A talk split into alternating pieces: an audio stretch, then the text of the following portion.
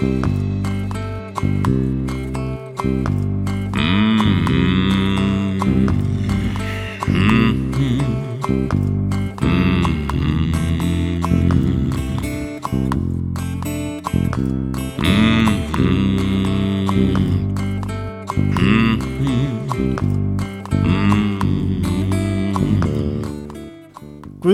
Torfason var í hljómsveitu með Messofortistrákonum og hefði getið orðið næsti Björgun Haldásson.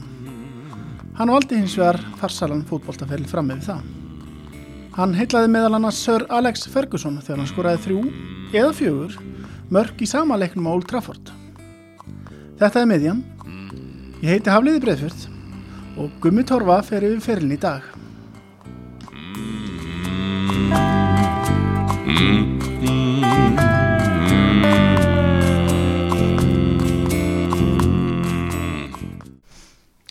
Velkomin Gummi, hvað er það að gera í dag? Heyrðu, ég er nú bara að starfa í tölvugeranum í hérna, og takk fyrir að bjóða mér hérna, ég starfa í tölvugeranum og er að þessum sölustjóri hjá Origo Mm. Er heimsfaraldurinn á COVID-19 að tröflaði mikið í lífin í dag? Já, já, það er náttúrulega hefur áhrif, alveg klárlega og það er mikið um fjarfundi og svona hérna verið að vinna bara mikið bara mikið heima og eins og bara gengur að gerist, en við búum vel og erum náttúrulega með alla, alla bestu lausnir og, og búnað í það hjá okkur í Origo Mm. Já, það er bara áskorun að þessi tími svolítið. Já, já, en, en það er bara tími, það er, ég hef nú alltaf litið á það í, í, ef e eitthvað breytist að þá koma bara tækifæri Mm. ég horfi nú bara þannig á það og það er bara eins og í boltana, það er alltaf næsti leikur og þá er tækifæri sko. Mm. Tala við um fótballtaferilina þessi dag og ég var náttúrulega byrjuð í Vestmanni en þú ert uppalinn þar. Já, fættur og uppalinn í eigum, eiga pegi Mm. og bara mikill eigamæður og hjartaslega er alltaf þar Það er alveg svolítið, já. Já, ég, ég er alveg pappi og reynda mamma er úr Östurlandi en pappi er úr eigum og, og þannig að þetta er, er hérna uh, bara eiga, eiga pegi alveg alla leið. Er það ekki alltaf skildu spurninga að spyrja það þórar eða tísari? Jú, ég er eh, tísari Mm. og týrari eins og, eins og menn sögðu oft sko að hérna týr og þór, þetta var mikill rígur og, og oft, oft hérna, það var vestmannega meistarar það var eitt leikur á sömri, það var Mm. týr og þór Mm. og það var mikill mikill hérna mikill fögnuður hvort sem vann Mm. þannig að þetta var í minningunni er þetta alveg bara aðeinslegt að vaksa upp og alast upp í, í umhverfi eins og út í eigum Mm. Byrjar þar ferilinu bara í, í fymtaflokki? Já, já, það var náttúrulega ekkit annað en 50 flokkur á, á þessum tíma, það var 50 A, B og C kannski, en svo var bara eitthvað rusl og það var bara það var bara eftir í hvað margir mætt á æfinguna og við hérna vorum sem sagt uh, uh, já, maður byrjaði að æfa þannig bara mætt á æfingu með eldri bróðum mínum sko, sem er tveimar árum eldri en ég. Og, og það var bara strax bara þegar maður var 5-6 ára eitthvað álíka. Og fyrsti leikurinn, fótballtaleikurinn er upp í haðegerið, þú voru að segja frá honum. Já, það er á móti hæðagarði í, í, móti vikingunum og þá hérna förum við í ferð til Reykjavíkur og IBF og, og við spilum mér minnir að við höfum spilið á móti Val sem við unnum 1-0 sín tíma og, og svo spilum við líka við við hérna uh, Viking og, og ég skoraði með tvista mark í mínu fyrsta leik þar Mm. og það var unnum 4-3 það var mjög gaman að því Og þú kynntist í þarna að æfa undir stjórn og Óla Sigurvins?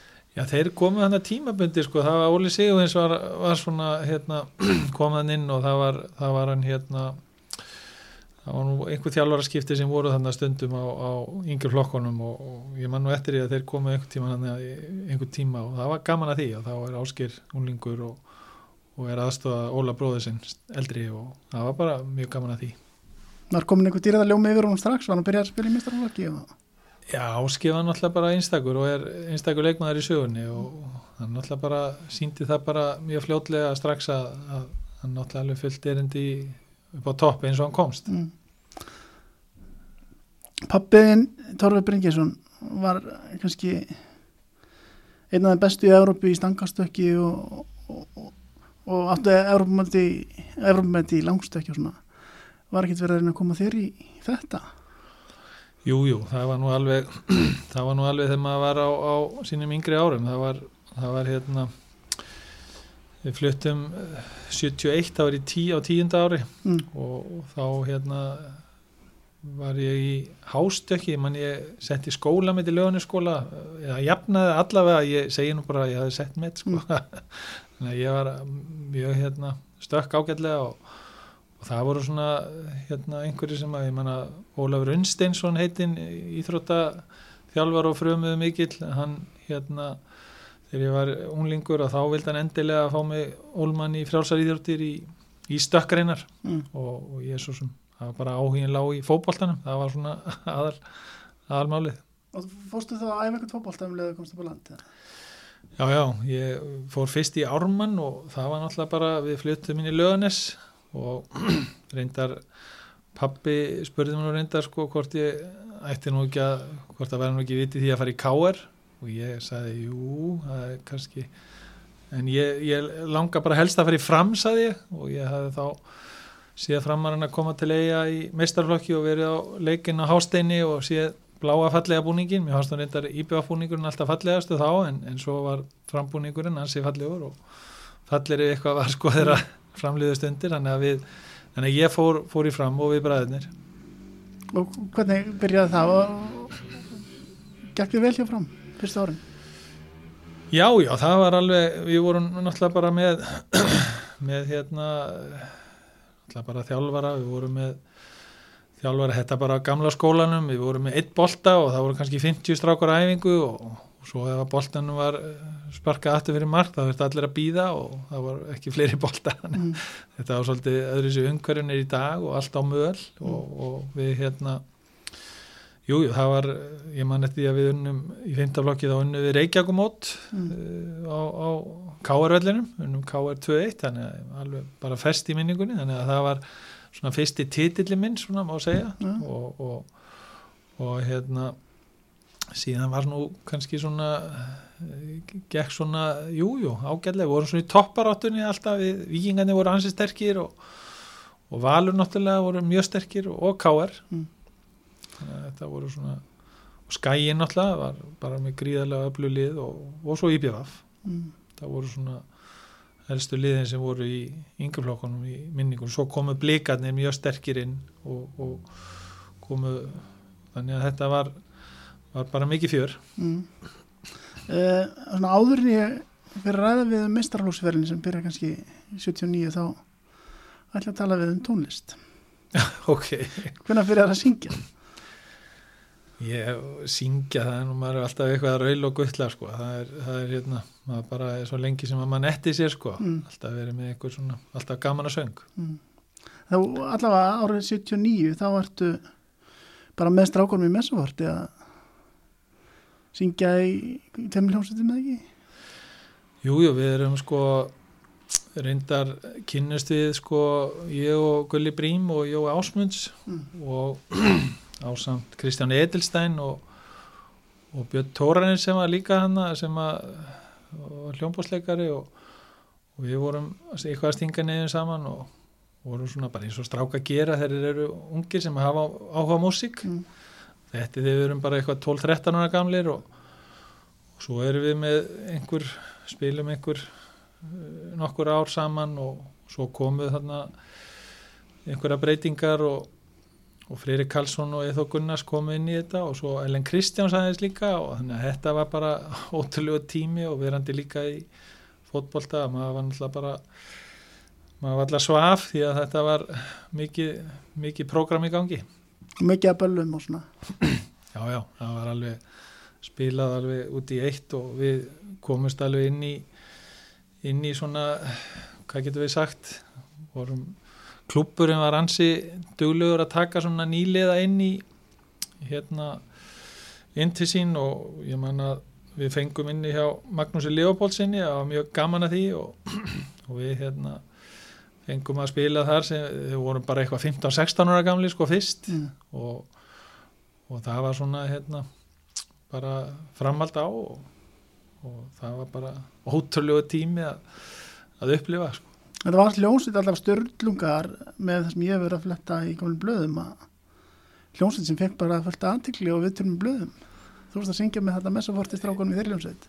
Já, já, Eithó Gunnarsson hefur komið inn á það sko að þetta voru svona við, þeir eruðu svo á endanum bara leiðir á því að spila fyrir, fyrir söngvara þá mm. ákvaði þeir bara að fara í, fara í hérna instrumentalin. Þeir voru alltaf með hljómsveit sem að við spiluðu alltaf sagt, instrumental tónlist og, mm. og ansi hæðir og, og bara með bara bestu hljóðfærileikum á mínum að þetta í heimi bara reynlega því að þetta voru algjörður afbörðar og þeir lögðu líka mikið á sig og voru með hæfileika ja, það var svona alltaf, alltaf hérna, meðfram og, og við hérna svo náttúrulega var bara tóast á músík og, og, og hérna og fókbólti mm. Varst þú svona svolítið bara eins og Cliff Richards með Shadows? Já, e, e, neða, ég, ég segi það nú ekki þetta var svona bara þetta var einhvað bara tímabil sem að fór í gegnum og, og, og þetta var bara gaman og, og svo hérna svo hérna bara í rauninni þegar fótballtinn fyrir að koma meiri alvar í það og svona valin í einhver unglingalandslið og eitthvað þá hérna fór svona eitthvað meira að gerast Já. Og þá fór maður svona fókusera meira á fótballtinn því að það var þetta var ekki kristilegu tími að vera spiland á böllum og vera í þó að, að regluseminn hafi verið alveg mm. ágætt svona þokkalega alveg Varst að syngja, hvað, Toto, Holdi Læn og svona, hvað varst að syngja meira? Þetta voru einhver svona bara lög sem voru á þeim tíma, ég manna það var einhver einhver svona lög sem við, sem við tókum svona eitthvað Santana og einhver, einhver álíka lög, mm. þetta var Toto og eitthvað Kansas og mm. einhver, einhver svona samtíma lög Ég veit ekki alveg hvað þér fannst þetta merkilegt en ég heyrði nú í Frisa Kallsum helgina sem með, er í messaforti okay. og hann saði að ef þú hefur haldið áfram í tónlistinu þá hefðu þú orðið bara sípastúra á Björgun Haldarsson Það er nú ekki leiðum að líka að e, e, minn uppáhaldsöngvar er Björgun Haldarsson það er nú, nú aldeilis hól. En mm. hérna já já þetta er svona bara eitthvað, eitthvað sem að ef og hefði og allt það sko, kannski kannski maður bara takja upp plötu í, í, í, í hérna, ellinni og reyðu komið með Hauki Mortens eða eitthvað. Já, það ekki. En förum þá aftur að fólkvöldan uh, Þú varst náttúrulega mjög ungur byrjar að spila með unlingalandslega Já, það var hérna það var náttúrulega alveg uh, við svo sem vorum í valdir, það voru valin svona þetta voru búin að vera unlingalandsli mörg mörg ár á undan og svo bara þegar menn fá aldrei til og maður hafði alltaf þennan áhuga og var svona alltaf með boltan út á velli og róluvelli eða hvað sem var mm. Og þá náttúrulega var ekki mikið um einhverja samfélagsmiðla eða einhver aftreyingar eh, efni sem að voru á, á netinu. Þá var maður bara úti á róluvelli að leika sér og það var rauninni það sem að svolítið bjóð marga fókbaltamenn til að maður voru bara alltaf í fókbalt út á velli. Og svo náttúrulega var, var verður til einhverjir þróast með eitthvað og þá, þá hérna, svo fóðum við að æfa með, með liðum og, og eins og í þess tilvilli þegar þannig komið að þá eru við uh, valdir hérna nokkur í, í unlingarlandslið úr fram mm. og það var náttúrulega bara feikilega skemmtilegt að taka þátt í því og það svona kveikti aðeins áhugan hjá manni að, að, að fara í, í sem sagt uh, bara áfram og stefna herra og er skemmtilega ferði sem voru að fara í Já, já, við fórum alveg það voru, ég man nú eftir að, að við fórum í til Skotlands með fram í fjórðaflokki, það var hansi eftirminnileg ferð því að þá var sko David Moyes gamli og sem er náttúrulega pappi David Moyes mm. sem að þjálfari sem við þekkjum hérna úr enska boltanum Ég var svolítið heima hjá þeim hann að þegar ég, þegar ég kom síðan til Skotlands setna meir, þá mm. kynntist ég þeim aðeins og hitti Móis eh, eldri meira og svo Kenny Móis og David Móis þannig að ég, þetta er þess að fjölskyldu ágætlega og kynntist honum fyrst þarna þegar ég fyrir fjörðarflokki út til mm. Skotlands. Mm.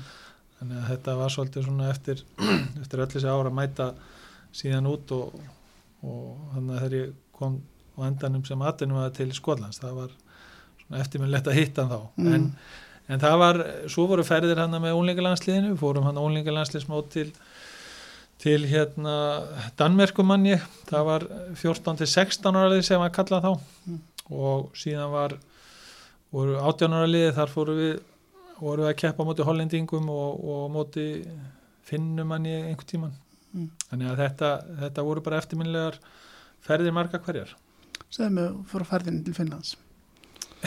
Já, það, það var nú reynda sko, það var reynda svolítið undan að fara því því að við vorum hérna ég var sem sagt uh, við vorum í liðinu árið áður mm. og þá hafði ég sem sagt spilað og þá vorum við að keppa við hollendingana og ég var að var þá yngra ári í, í hérna sem sagt landsliðinu og, og við hérna erum að keppum heimaleikin á löðsvellinum og minn að við tapað 1-0 Mm. þar voru hansi öflugir leikmenn sem verður síðan svona bróðupartinu að þeirra, þeirra liði hann að þeirra framliðu stundir Mm. en síðan hérna síðan í setni leiknum að, að þá er ég náttúrulega bara er ég mikið í músikinni og, og þá hann er í byrjun oktober og ég man að þjálfarinn sem var þá sko hann var ekkit allt og sáttu við að ég væri að koma eitthvað ekki nógu vel fyrir kallaður á, á, á æfingar en, en það var engin óregla í gangi að ég fókuseraði mjög mikið á æfingarnar og það var í rauninni bara þetta svefleysi sem að var fyrir var því að maður var náttúrulega bara lengi, langt frá nótt átt að spila Mm.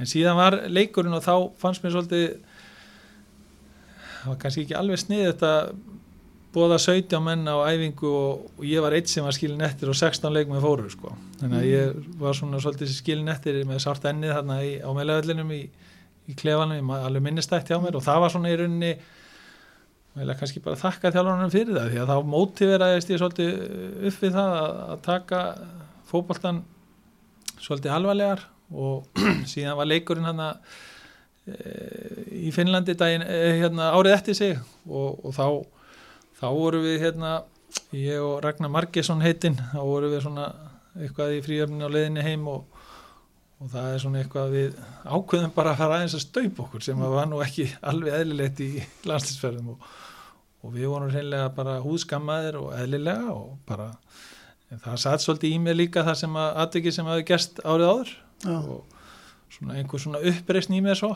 Mm. og svo hérna í rauninni að þá þá hérna komum við heim og þá mitt fekk ég þau skilabóða ég myndi aldrei leika í íslensku landsliði framar og við og vorum settir í bann og, og það var alveg, alveg hérna það var svolítið sárt ég, ég var skilin eftir út á flugvelli manni sko og ég var bara, fekk ekki að fara með rútin í bæin og ég þurfti að ringi bróðum minn sem að sótti mig og, og það var bara svona í minningunni þá var þetta svona svolítið, svolítið refsing en, en, en þetta maður fyrir ekki við þetta alveg, maður bara vers, Mm. sjálfum sér vestur í þessu en, en þetta var bara svona eitthvað í, í, í tíðarandanum og, og, og, og svo bara held maður áfram voru þið svo dölvaðar Nei, nei, nei, nei, nei, það var ekki þannig. Það var bara það versta sem að því að það voru tveir félagar okkar sem að borðum, borguðu matinn fyrir okkur, ég er eiginlega skuldaði matinn eða þá, sko, að ég þarf eiginlega að fara að borga matinn sem þau borguðu. Já.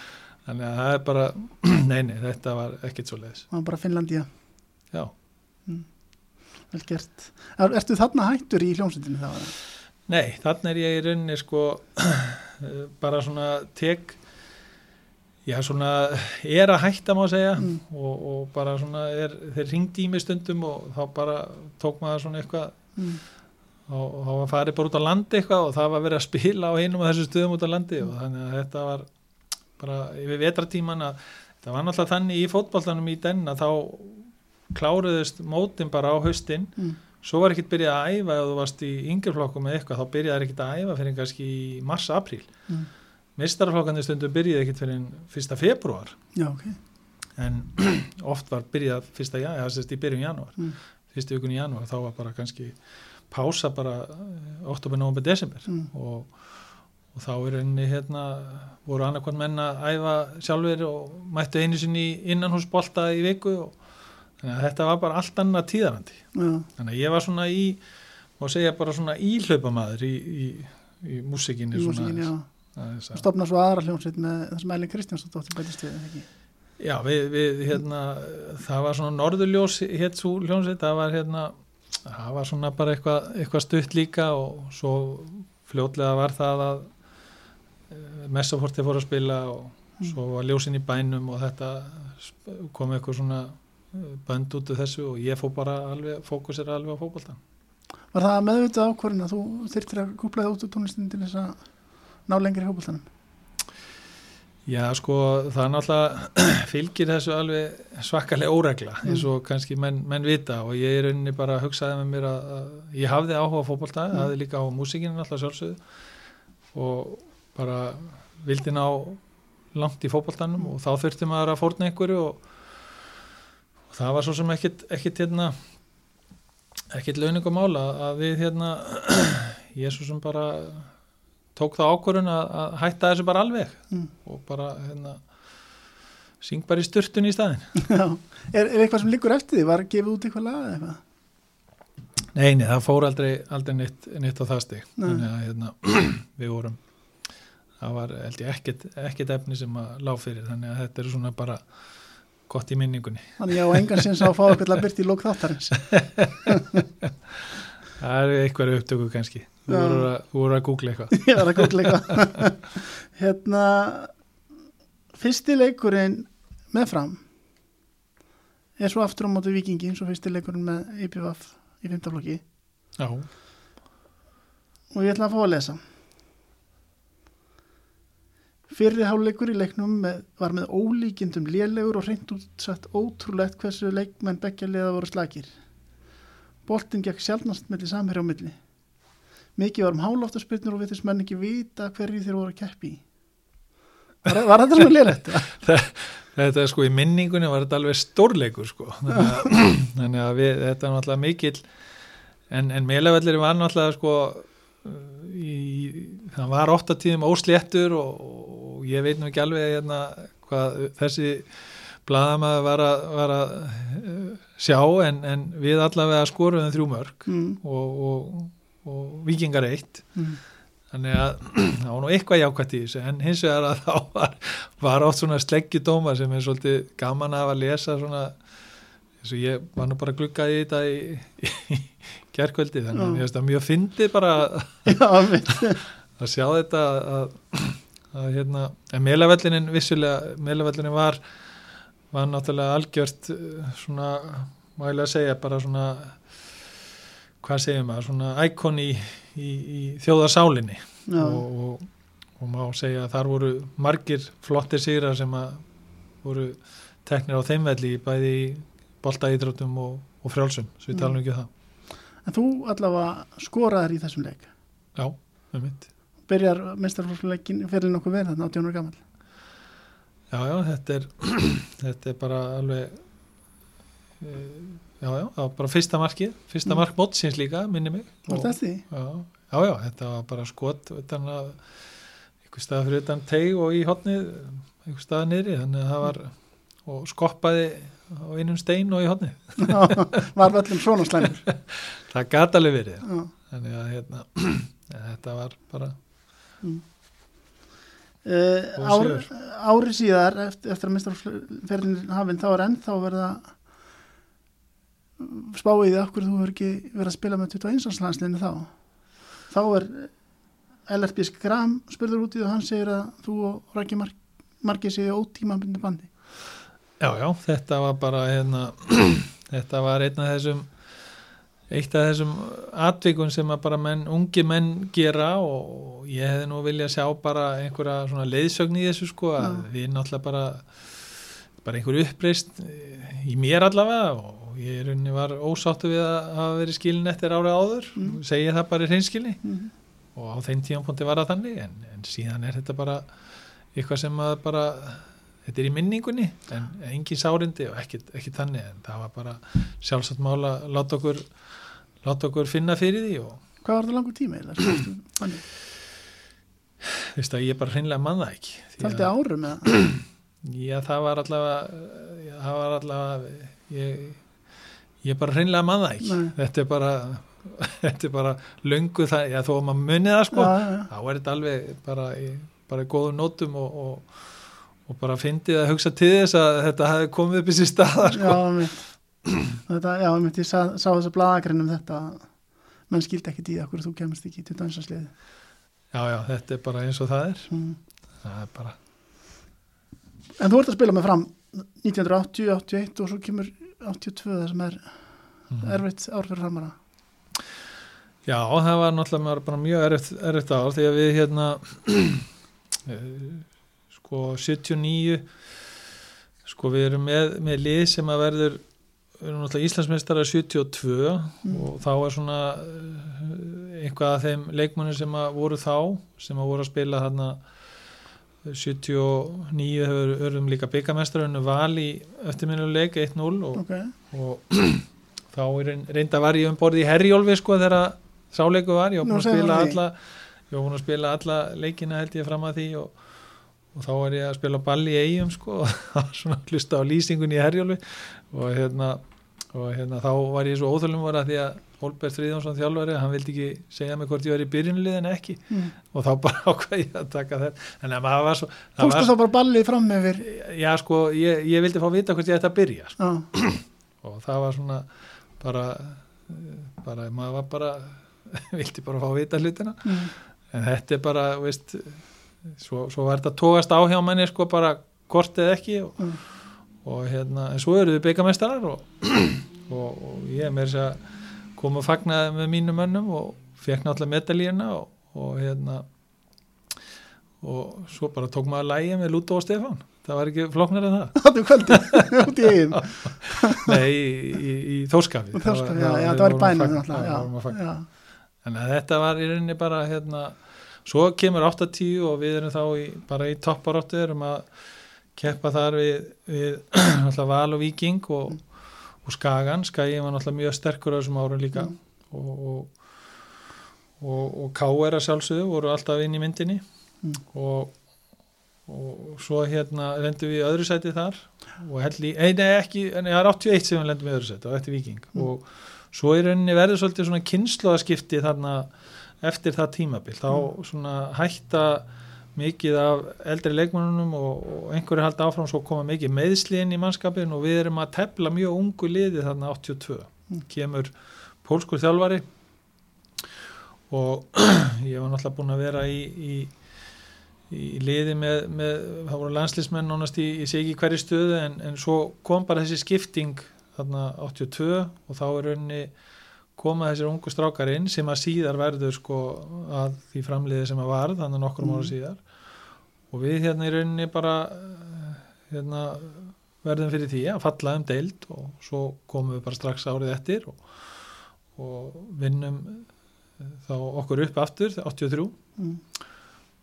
það var ekki samt svona þarna 82, það var svona svolítið lítill hápunktur á ferlinum þegar Jú, jú, þú spilar á móti Dusseldorf jú, það var svona, já, minnist á það, það ég var nú svona hérna var nú að hugsa þetta einmitt að, að hérna, jú, það var skemmtilegu leiku, við spilum, þá var Pétur Ónslið, þá fór hann í aðdunumessku út og Guðmur Steinsæði að færi út líka hana, og, og fleiri sem að hættu og þannig að það veiktist þurfið liði sko, voru bara ungi strákar og við sem vorum eftir Mm. vorum að taka við en enga síður að þá það var nú algjör óþar að falla held ég svona Mm. þegar maður uppi staðið en, en auðvitað þarf einhver að gera það. Og, og jú, það var skemmtilega leiku við Dusseldorf og við unnuð á 1-0 Pétur og allir aðals með þeim? Já, og, og bara þeirra aðdurmann lið, þetta var bara stór uh, viðbörður að fá svona bundeslíku lið til landsins. Mm. það var mjög gaman að því. Og þú skorar segumarkísið 1-0 sér Já, já, stemmir, stemmir hvað, Það- hvað var það vítið? Nei, nei, það var bara sending einn fyrir og létt vippa, maður mann þetta alveg Já, þú mannst þetta alveg eru öll mörkin bara svona greift í hugan Já, svona maður sem að svona skipta máli, það er svona jú, jú, maður mann meiri sé að mörkin í, í fimmtafloknum sko á Káröllinum í Reykjavíkumótunum, Já. það alveg steimplast inn í manni. Þannig að en þessi það- leikur, var, er hann svona eftirminnilegur eitthvað? Já, já, það var náttúrulega, við vorum með Janus Guðlaug sem að spilaði með okkur og það var mjög gaman að því að, að fá svona, hann var náttúrulega aðdunum aðeins til margra ára út í Þísklandi líka og og ásamningi hjá Köln á þeim tíma var á samningi á Fortuna Köln, já, Já. Og, og, og var alveg mikill og kom svo reyndar til okkar og spilaði með okkur uh, setna Mm. og þannig að þetta var mikill og skemmtilegu leikur og gaman líka að hafa á Pétur og alla í, í þeirri mynd mm.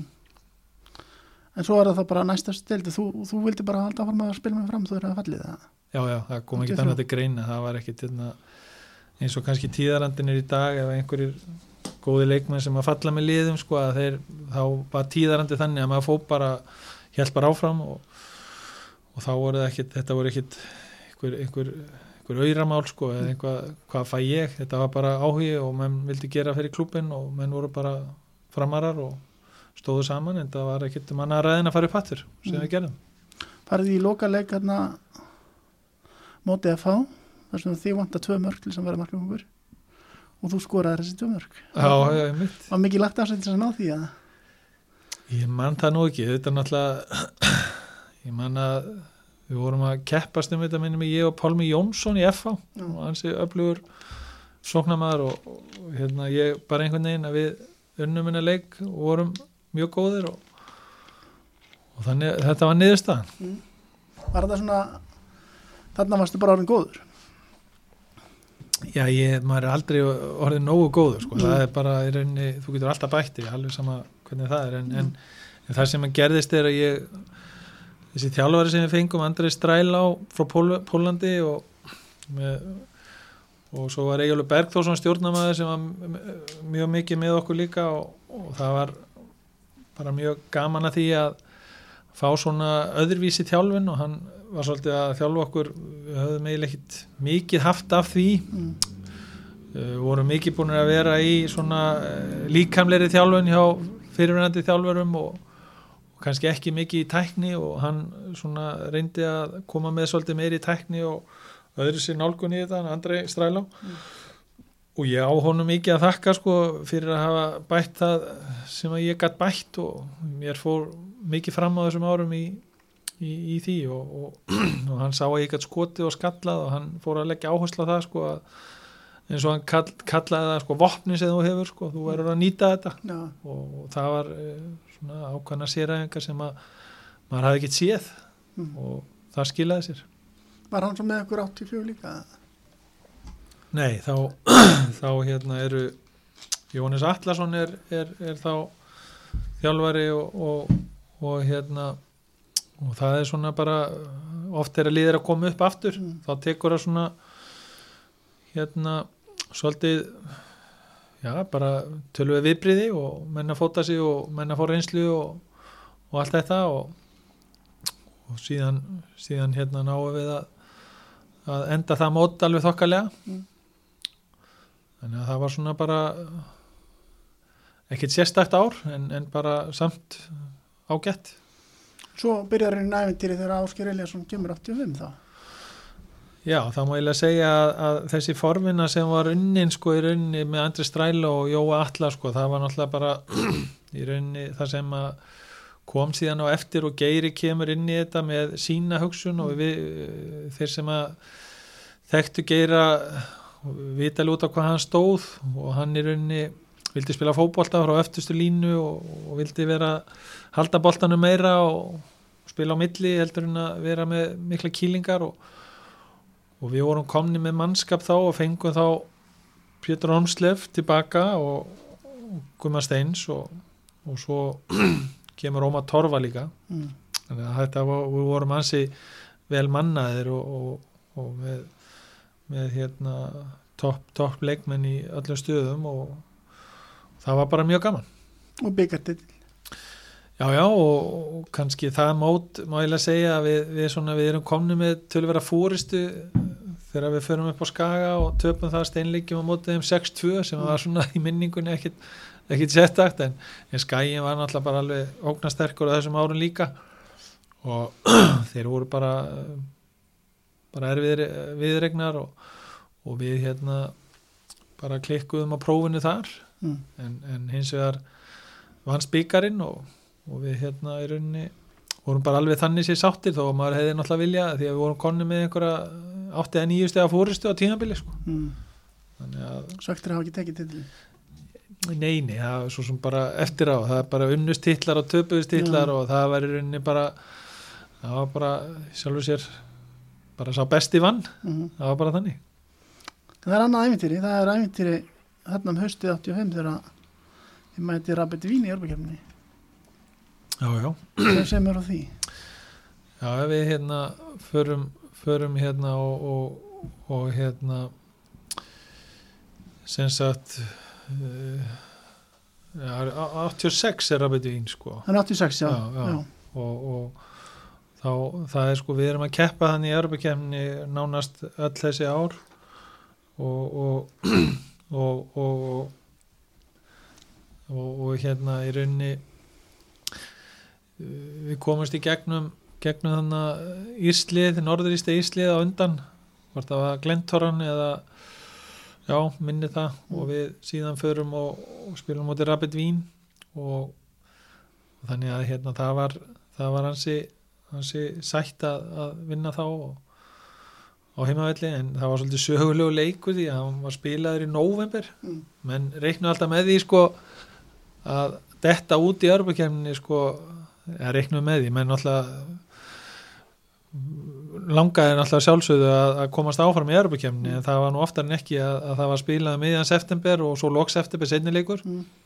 og það var oft sem að leikjanu að viksla þannig að menn fengu seinnileikin í fyrstu umferðinni sko, sem útileik. Þannig að við ferðumst á eitthvað til Európu og, og svo tókum við bara frí eftir það. Mm. og sumi kannski búin að bóka jáfnvel og, og, og svo kannski að menn komist áfram þá breytist allt planið. Þannig að þetta var svona það var verið að brjóta ákveðna múra þannig og ég man að Valur var natt á sínum tíma frá Fraklandi sem var stór, stór sigur. Og skæin var að standa sér frábærlega í, í leikjum líka og, og svo náðum við þarna einhverjum árangur líka og, og við hérna alltaf vorum bara með mjög gott lið.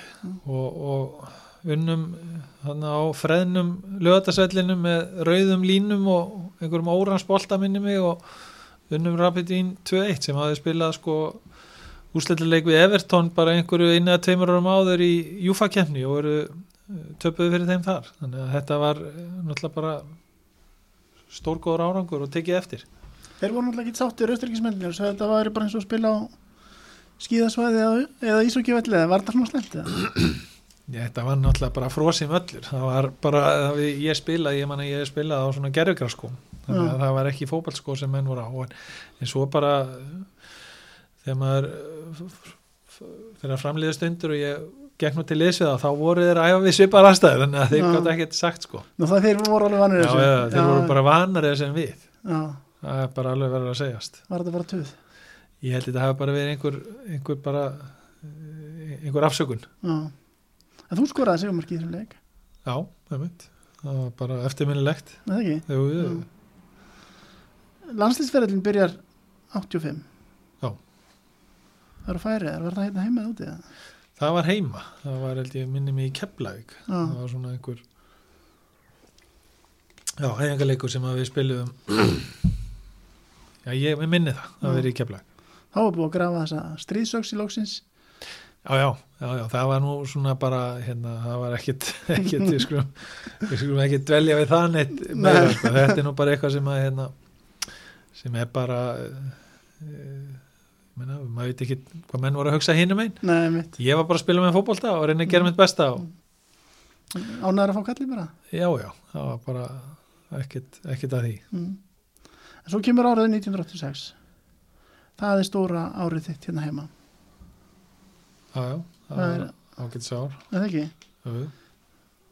Þetta er bara, það var rosalega lið sem voru með þarna framarnir Já, já, við vorum með það var í rauninni svona að vera að byggja á þessu liði sem að við vorum að var í mótun hjá Geira Já. og, og sem að varði í rauninni markmiði var alltaf bara að vera með helst bara bestu menn og helst bara landslýsmenn í hverju stöðu en, en það náttúrulega ef að menn gátt eitthvað þá var oft sem að menn voru þá farnir út og, og maður torfa fóri mitt hann eftir 85 tímabilið þá fer hann út til Sviss og við erum með náttúrulega bara vali manni í hverju rúmi samt sem áður sko. Mm.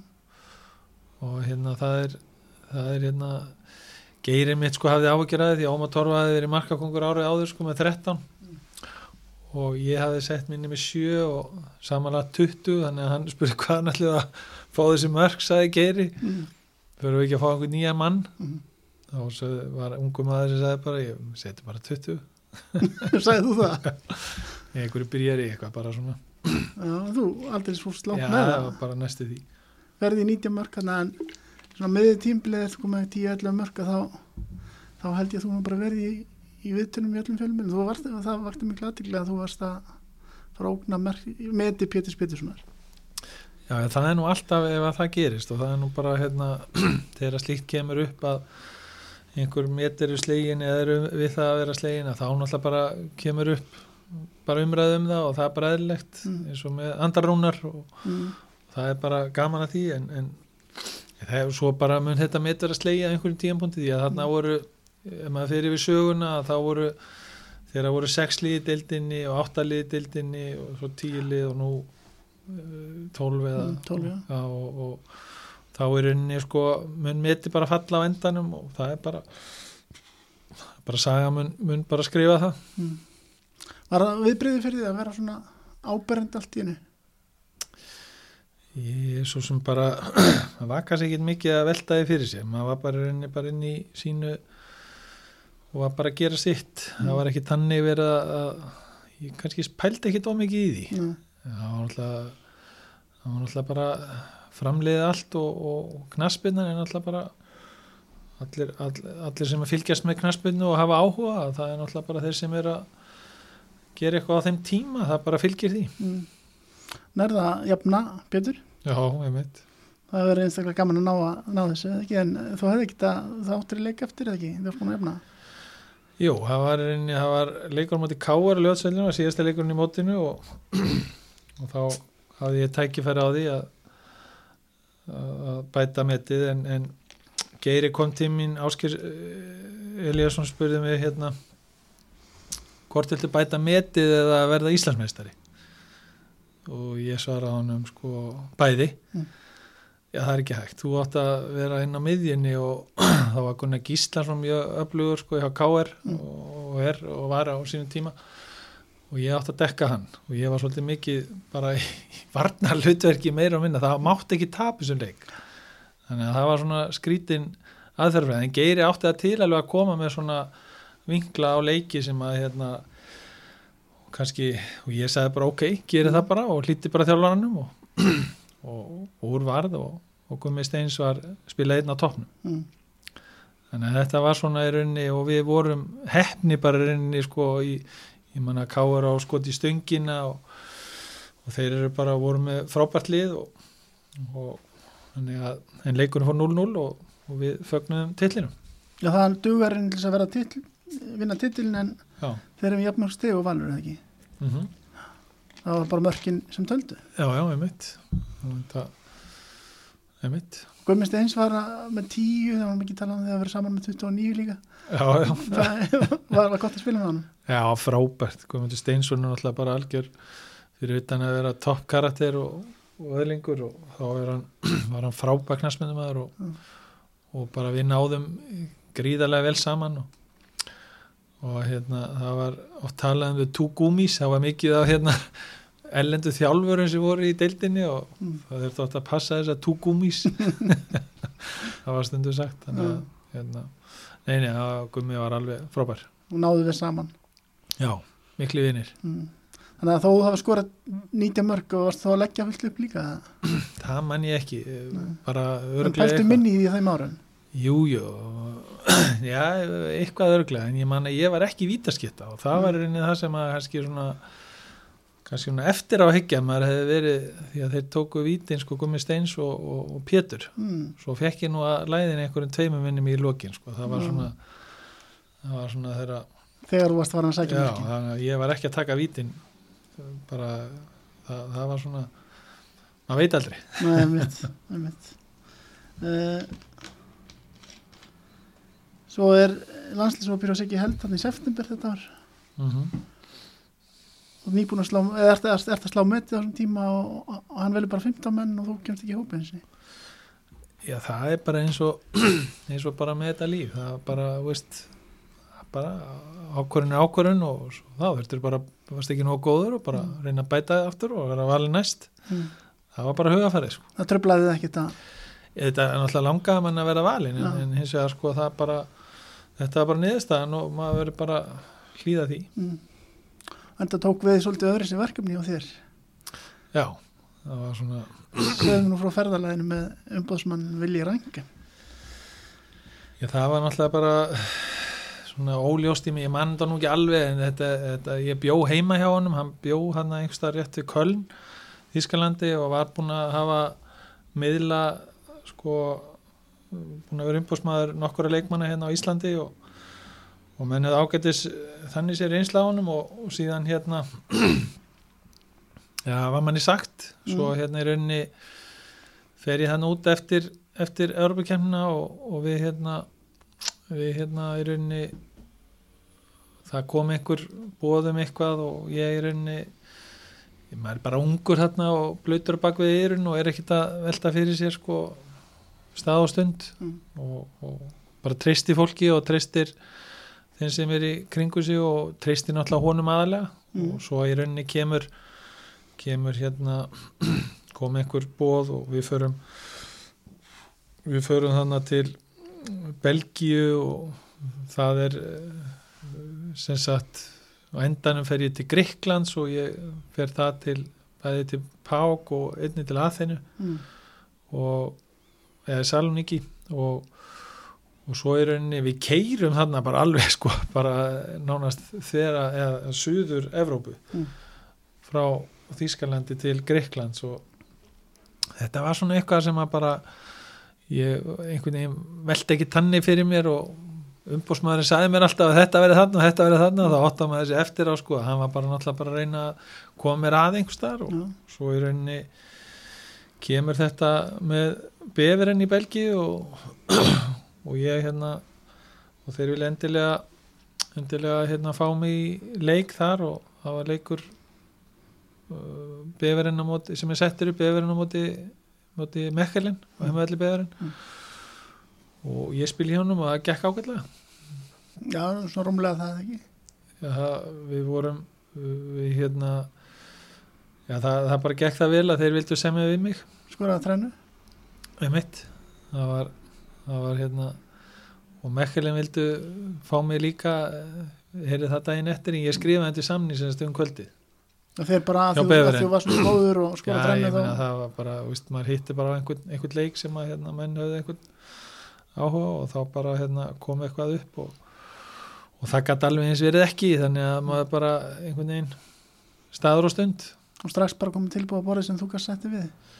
Ég, ég náttúrulega fekk bara ráðgjöf frá mínum umbúrsmanni og, og svo var í rauninni gengi frá þessu bara þannig kvöldið manni og sátum lengi inn á í fundarherbyggi og það var í rauninni bara minnistætt að það voru tveir samningar sem voru gerðir. Það var svona einhverja reglur í Belgíu sem að ég kunni ekkit á og þekki ekkit það var svona hluta þessu sem var samningur sem að var einhvern veginn til hliðar en samt alveg bara ofinberlegur, ofinber en maður hafði heyrt svona alls konar vesen með bæði mútur og hitt og þetta og maður var ekkert að velta því fyrir sér en, en svo þegar hólmið á komið að þá voru þeir ekkert að borga mér sko rétt og, og ég samdi semst í 2,5 ár við þá og var svona hérna það var í rauninni bara tími sem að hérna mjög lærtánsvíkur en spilaði helling og var bara mjög kynntist náttúrulega mjög flottu og góðu fólki að hana sko.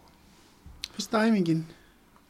Já, hún var svolítið svona það var maður fattaði þetta ekki sko því að það er bara maður kemur inn nýra á æfingu og fyrsta æfingin að þá er settur svona spilaæfing og, og ég er tæklaði bara mjög fljótlega á æfingun og ég þarf að hætta bara æfingunni og er bara frá í rúma viku að því að einhverja viku tíu dag eitthvað því að ég bara stokk bólna þá er ég bara tæklaði bara svona illa.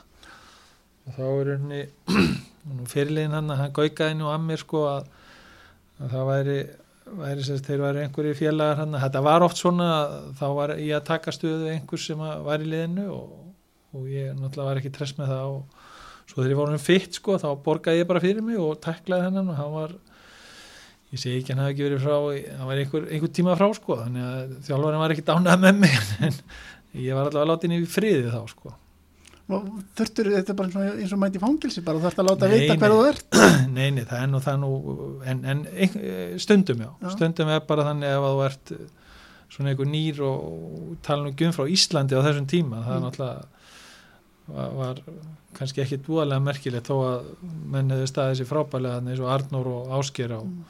Þá, þá var þetta bara tíðarandinn sko.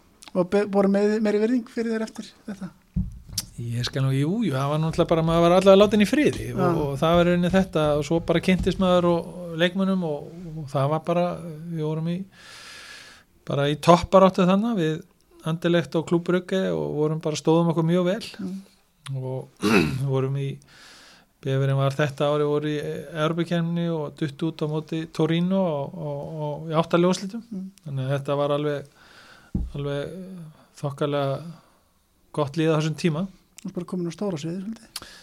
Já, eiginlega svolítið, svolítið svona belgisk knaspinna var náttúrulega mjög góð á þessum árum og, og, og, og 86 að þá er þá er þið með Jan Köllemans og Ferkáterinn og Sjamari Paff og fleiri sko sem eru bara stórstjörnur í, í boltanum og, og, og hérna eru standa sér frábælega í HM í Mexiko 86 Mm. eru þar í topp 3-4 eitthvað áleika Mhm. og, og hérna þannig að belgísk knaspinna var ansi öflöð á þessum tíma og, og, og náttúrulega frábært að taka þátt í því.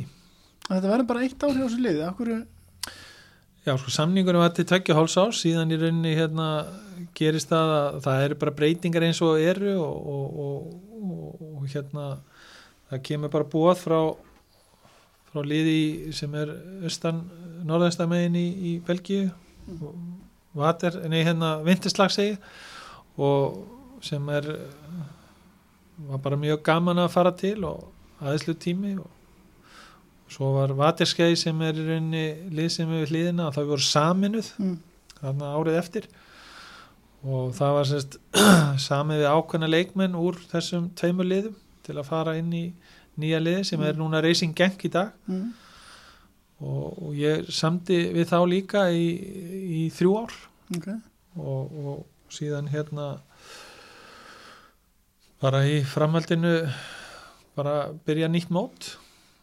Og bara, Var liðinni bara skiptið í tvö lið þá? nei, þetta var bara eitt lið. Bara helmingurinn leikunum fór bara Já, það var bara í rauninni einhver, einhver hópur Mm. leikmanna, einhver 20-25 manna hópur sem var sami við og, Mm. og liðin voru samin semst. Og fyrsta leik, þá skora þú? Fyrsta, fyrsta mark félagsins í rauninni? Já, ég mitt, það var á móti Mekkelin Já, þannig að við hérna það var bara mjög gaman að því. Já.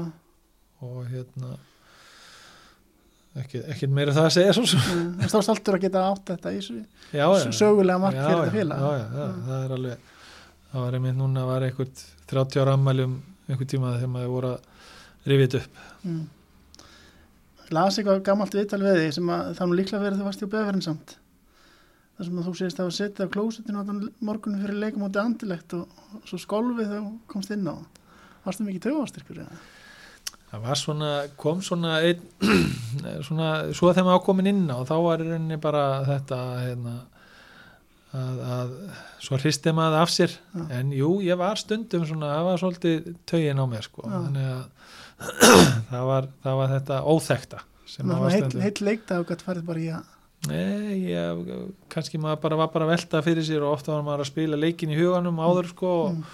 Svo nú ekki eftir sko, þá spilaði mann aftur í huganum til að sjá hvað maður geta gert betur Mm. og þannig að þetta var svona þetta var bara svona veist, viðbriðir náttúrulega líka að vera komin í í, í, í náttúrulega bara svona bolta Mm. Náttúrulega spila mútið andilegt sem var rísa lið á þessu tíma Já, alveg, alveg svaka stórt lið og, og Arnó verið með Guðjónsson sko, hann náttúrulega var, var einn af aðalmannunum mannunum sko í, í þetta ári sérstaklega og þennan vetur og markaðistur hann og leikmaður ásins og svo framvegis þannig að það var alveg, en við vorum samt í, í, í baráttu og, og Europakefni og annað þannig að þetta var þetta var bara skemmtilegu tími. Mm.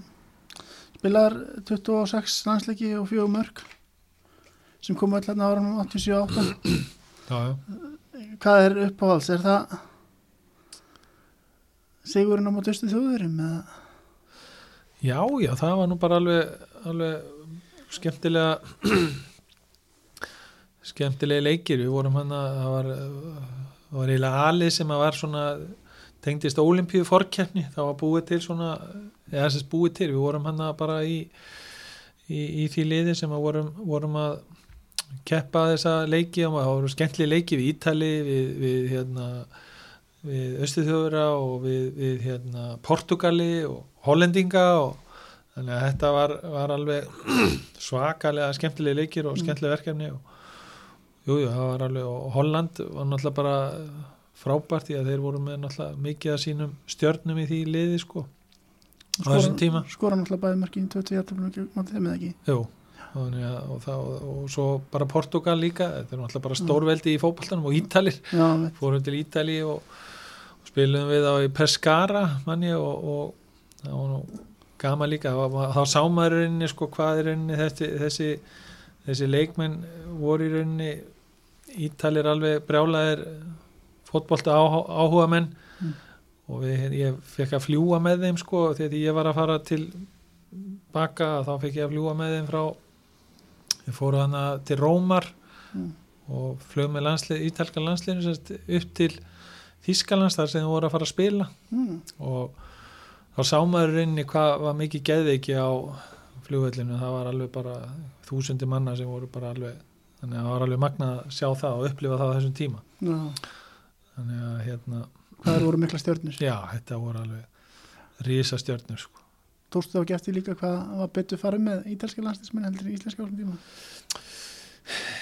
Jú, þetta var þetta var, þetta var náttúrulega bara þegar þú talar um það þá var þetta bara enga vel Já. og það voru bladamenn fremst Mm. og svo voru lið, lið, liðsmenn og, og liðstjórn og stjórn aftarlega og bíl á milli að Hvað Blaðamenn- varst þú?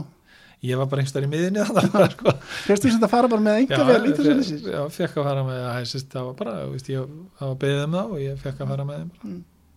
það var bara eftirminnilegt Já, gaman að kynast þess aðeins já, já, já. Já. En 88 þá, til Rapid Vín liðið sem hafði spilað á móti hérna, með framörunum á löðsvöldi Mm og reyndar heitra líka en, en þú voru þið búin að vera að fylgjast með þér allan þann tíma? Já, sko það var hann að Markovic uh, Króati sem að var þjálfari hjá Rapid Vín og Otto Baric líka sem að Króati líka. Þeir voru búin að vera þjálfarar og það var einhver, einhver áhugi og svo kom bara tilbúð til geng og, og það var bara eitthvað sem að hérna, þeir ákvaða að gera og, og, og við hérna ég, ég bara sló til og fór bara þangað og, sá, svo hérna og það náttúrulega var alveg frábært tími líka þó að við svona gengið á ímsu ég, man ég braut á mér herðablaði sko nánast í einhverju þriðja leik eða eitthvað áleika og, og það voru náttúrulega landslismenn í hverju rúmið þar og það var Andreas Herzog sem að fór síðar til hérna verði Bremen og, og þarna voru Mikael Konsel sem fór til Róma á þessum tíma og Herbert Weber fyrirlið þannig að þetta voru ansi bara öflug og öflugt lið mm. sem var hana og, og það var bara svo kom vetrapása og þá jafnaði maður sig og svo hérna í rauninni kom svona svolítið bíl þar sem ég var á inn í liðinu bekknum og svona bara þetta var náttúrulega, það voru 13 útlendingaminni með frekar en 14 sko í liðinu, það máttu bara 2-3 spila. Já, og, og það var í rauninni eh, bara ótrúlegt að, að það var alveg haugur á útlendingum sko. þegar sem, voru fyrir utan Európa-sambandi því að það voru reglur í Európu að það máttu ekki við tilheyrðum náttúrulega eðlilega vorum ekki innan Európa-sambandsins mm. á þessum tíma. Og þá hérna uh, máttu bara í rauninni tveir og þrýr vera inn á í einu. Já. En þú spilaði sem eitthvað þarna skorar fullt af mörgum til að byrja með ekki? Já, já, já, og skera það miðum manni? Já, ég fer, fer inn á miðjuna svona, það er einhverju þetta vegna og, og það var náttúrulega eftir alveg svakalega mikið og ég hafði aldrei eftir svona mikið á æfinni eins og þannig hjá þeim. Já, þeir æfðu alveg bara tvisvar á dag eh, svona mi- mikið til eins og þjóðverðin gera. Og, og hérna belgarnir voru nú alveg með sínar æfingar alveg en, en þarna var eftir miklu meira mm. og ég fann alveg hvernig maður svona bætti sig vel líkanlega, maður var náttúrulega alltaf að bæta sig og, og, og, og bæði líkanstyrk og öðru og, og svo í rauninni bara kemur, kemur þarna eftir það mót þá vorum við í landsliðin að keppa mitt við rússana og og, og austuríkismenn í riðli Mm. Og það er um að komast á stórmót Mm. og við hérna e, einmitt erum, erum gerum jættefli 0-0 heima við austuríkismenn en töpuðum 2-1 úti Já. það var svona ef að það hefði vikslast þá hefði við mögulega sko það voru hann einhverju leikir en það var alveg komið séns þannig að menn voru alltaf að reyna að riðja brautina sko til að menn voru alltaf með þessa trú að við gætum náðin á stórmót. Það var alltaf þessi trú að, að, að, að menn gætu gert þetta. Mm. menn voru alveg með leikmenn í þetta og svo kannski var ég vil minna ástæðan fyrir því að við náðum aldrei að stilla þetta alveg nógu vel af við með okkar bestu leikmennum að það, það var náttúrulega bara kerfið var þannig að landsliðið að það gekk ekki fyrir.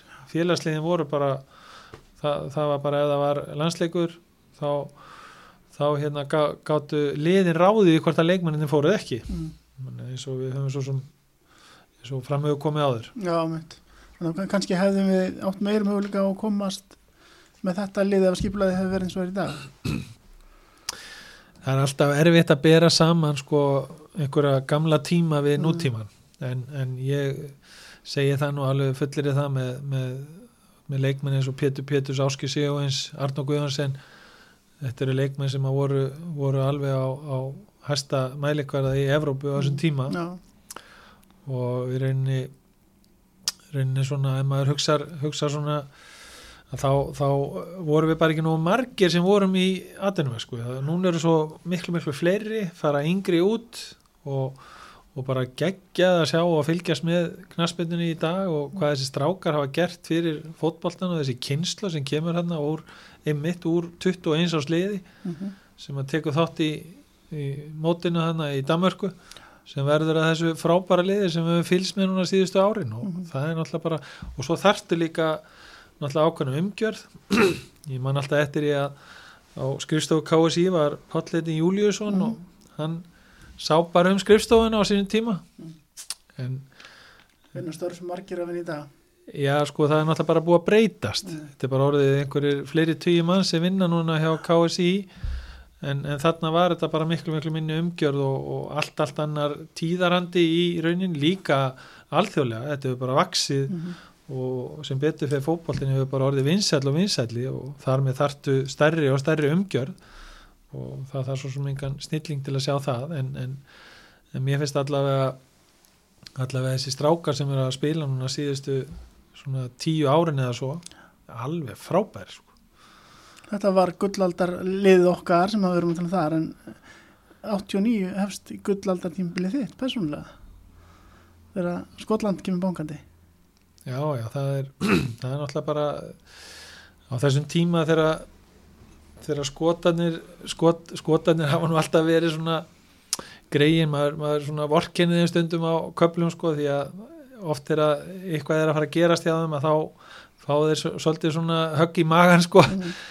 en, en við munum það bara við erum að spila við skotana eða landsliðið er að spila við skotana og þá eru þeir með leikmenn eins og Graham Súnes og Andy Gray og Graham Sharp og, og hérna hvað er héttu nú allir þessir topp leikmenn Go- Gordon Strachan og fleiri þannig að Þannig að þá voru þetta, þá voru þetta sko lið sem voru að fara reglulega, þeir gera líka svolítið grínaði hérna árunum frá 70 til 90, þá held ég að skotarnir hafi farið á einhver 5 eða 6 stórmót í röð. Mm. og meðan englendingarnir sko komast ekki Já, nema einhver 1 eða 2 sko, þannig að þeir, þeir eru nú með sönga um þetta líka sko, þeir eru nú svo hressið skotarnir, en þetta var þannig að við bannið þarna sem kemur þarna þegar, óskupin dinja yfir í heysel já, að þá er unni sko leggst svolítið niður þessi peningandi minka í Englandi. Mm. og það var nú þannig þegar ég er að koma þannig 70, nei hérna 89 segja að þá, þá er þá er mikið englendingur sem er að koma bara hreinlega upp til Skotlands. Mm, það er bara reynsins og seltik eru bara að borga betri laun heldur en liðin hann niður í Englandi. Já, ok. svo þetta er skrítið að, að það skulle hafa verið hérna, tíðarandin síðan þegar bara Premier League er stopnuð og þá bara sóast allt fjármagni í gegnum hérna hérna sjónvarpið og allt sem því fylgdi. Og auðvitað náttúrulega bara enska premjadeildin er náttúrulega svo langvinsalagasta og skemmtilegasta. Svo getur við deilt um hvort þú sé besta. Já, en, en það er svo allt annað mál. En hún er allavega vinsalagast og skemmta og mest skemmtilegasta í, í, í fótboltanum. Og menn vilja viða um heim. Þannig að þetta er svona breytingi sem varð og þá sogast pinningurinn út úr skoska boltanum svolítið og uppbygging á völlum að það svona test svolítið og, og síðan í rauninni hefur leiði verið svolítið niðra við hjá skotunum bara alveg frá svona 90 og má segja bara 94-6 eitthvað svo liði sko. Mm. þannig að það er í rauninni rauninni bara staðrind eftir að þessi premjardeild er stopnu Og þú kemur að 89 til Saint Meren. En hafið búðast til, hvað, Celtic var eitthvað reyna hóði líka? Það var allavega, allavega sagt, viðræði við þá, það kom nú ekki tilbúð frá þeim en, en, en síðan hérna í rauninni kemur bara tilbúð og ég vildi ekkit býða það var svona eiginlega það voru svona einhverjir eh, gluggar að lokast eh, ef hægt var að, var að segja svo það voru reyndar mann nú ekki hvernig þessi, þetta regluverk var þá Mm. en, en það allavega kom þetta góða tilbúð og ég í rauninni bara ákveða stökkva það og, og í rauninni hérna var þá laus allra mála hjá Rapid Vín Mm. og, og samti bara til þryggja ára Mm. við það og það var bara alveg bara opbáslega skemmtilegu tími og, og það var svo sem bara miðlumsklubur í Skotlandi og ekki, ekki tanni, ég menna þetta var bara í rauninni en samt með gríðarlega mikil og góðan stuðningshóp og mikil fjölda það er svona, er svona eitthvað 150 manna bær sem er rétt í liðin á Glasgow Mm. Teisleif. annar Íslandíkurinn hjá félaginu ekki Þórólu Bekk var að náður. Var, varstu varfið það, töluðu menn um hann? Já, já, það voru stjórnamenn gamli sem var eitt gamall stjórnamaður sem var einmitt myndist á hann bara um leið og ég komin um dittna sko og þá bara sagði hann við mig bara hérna, Totti Beck sagði hann sko Mm. ég, það var mjög gaman að því og ég hérna, alveg, alveg klárlega hans nafn var alveg verulega mikil smetið hann en þá Mm. Totti Beck segir þú en þú farið einhvern veginn gælum nafni Gunni en ekki Gummi. Hvernig, Það er í rauninni bara kemur eitthvað í, í, í fjölmjölum bara, þeir bara, það er nú oft sem að fjölmjölarnir gera eitthvað og þeir skrifa bara eitthvað, þetta var ekki alveg það mjög þjált að segja guðmundur sko Mm. fyrir skotana eða erlenda aðila, þetta var svona líka í, í Belgíu og, Austuríki, þeir kölluðu mig Gutti þar, Já, ok. Gutti, þannig að það var svona stytting á þessu en einhver luta vegna fór þetta í gang og það bara festist við mig mm. og ég mig skrifað með einu eða tveimur ennum það var svona bara, og stundum með öfsilonni þannig að alls konar útgáður að þessu Mm. En það trublaði þig vantilega lítið. já, ekkert. Fyrsti leikur með Saint Meren er á móti Rangers. Já. Þetta er sögulegu leikur. já, það var alveg það var náttúrulega alveg bara bara bara í minningunni er þetta svona talandum að hafa verið stressað ég var ekki stressað fyrir þennan leik Mm. ég bara hlakkaði til að fara fara inn á völlin því að þetta var svona sem var búin að býða eftir Mm. sjá svona koma inn í, inn í einhverja þetta voru einhverjir 60.000 manns eða eitthvað á vellinu fullu völlur og, og hérna og það var náttúrulega bara undanfærin var líka svolítið ég skrifaði hann til samningin bara í vikunni og það er hann að leikmaður sem heitir Morris Johnston sem var leikmaður sem var að koma frá Fraklandi, frá Nant Mm. í Fraklandi algjör hetja hafðum sko og, og hérna hann var að koma heim til Celtic og var búin að byrta á sér mynd sko með stjóranu hjá Celtic sko einhverjum þriðdegi eða miðgudegi eitthvað og, og hann var í Celtic búningnum og, og hann var að fara skrifandi á Celtic og var að byrja að spila með þeim og allir fögnuðu alveg þvílíkt að hann var í komin heim. Og svo byrtist hann daginn eftir með Graham Súni sem er stjóri á Rangers og var í Rangers búningnum og búin að skrifandi á Rangers. Mm.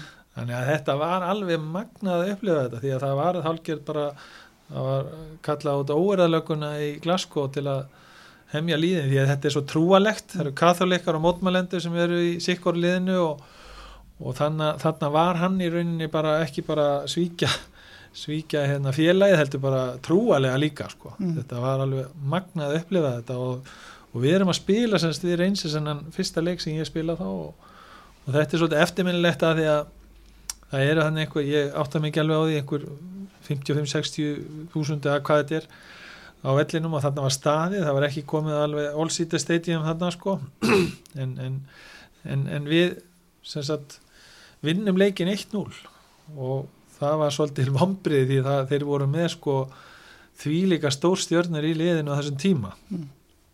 þannig að það var ansið skemmtilegt Og varstu góður leiknum með það?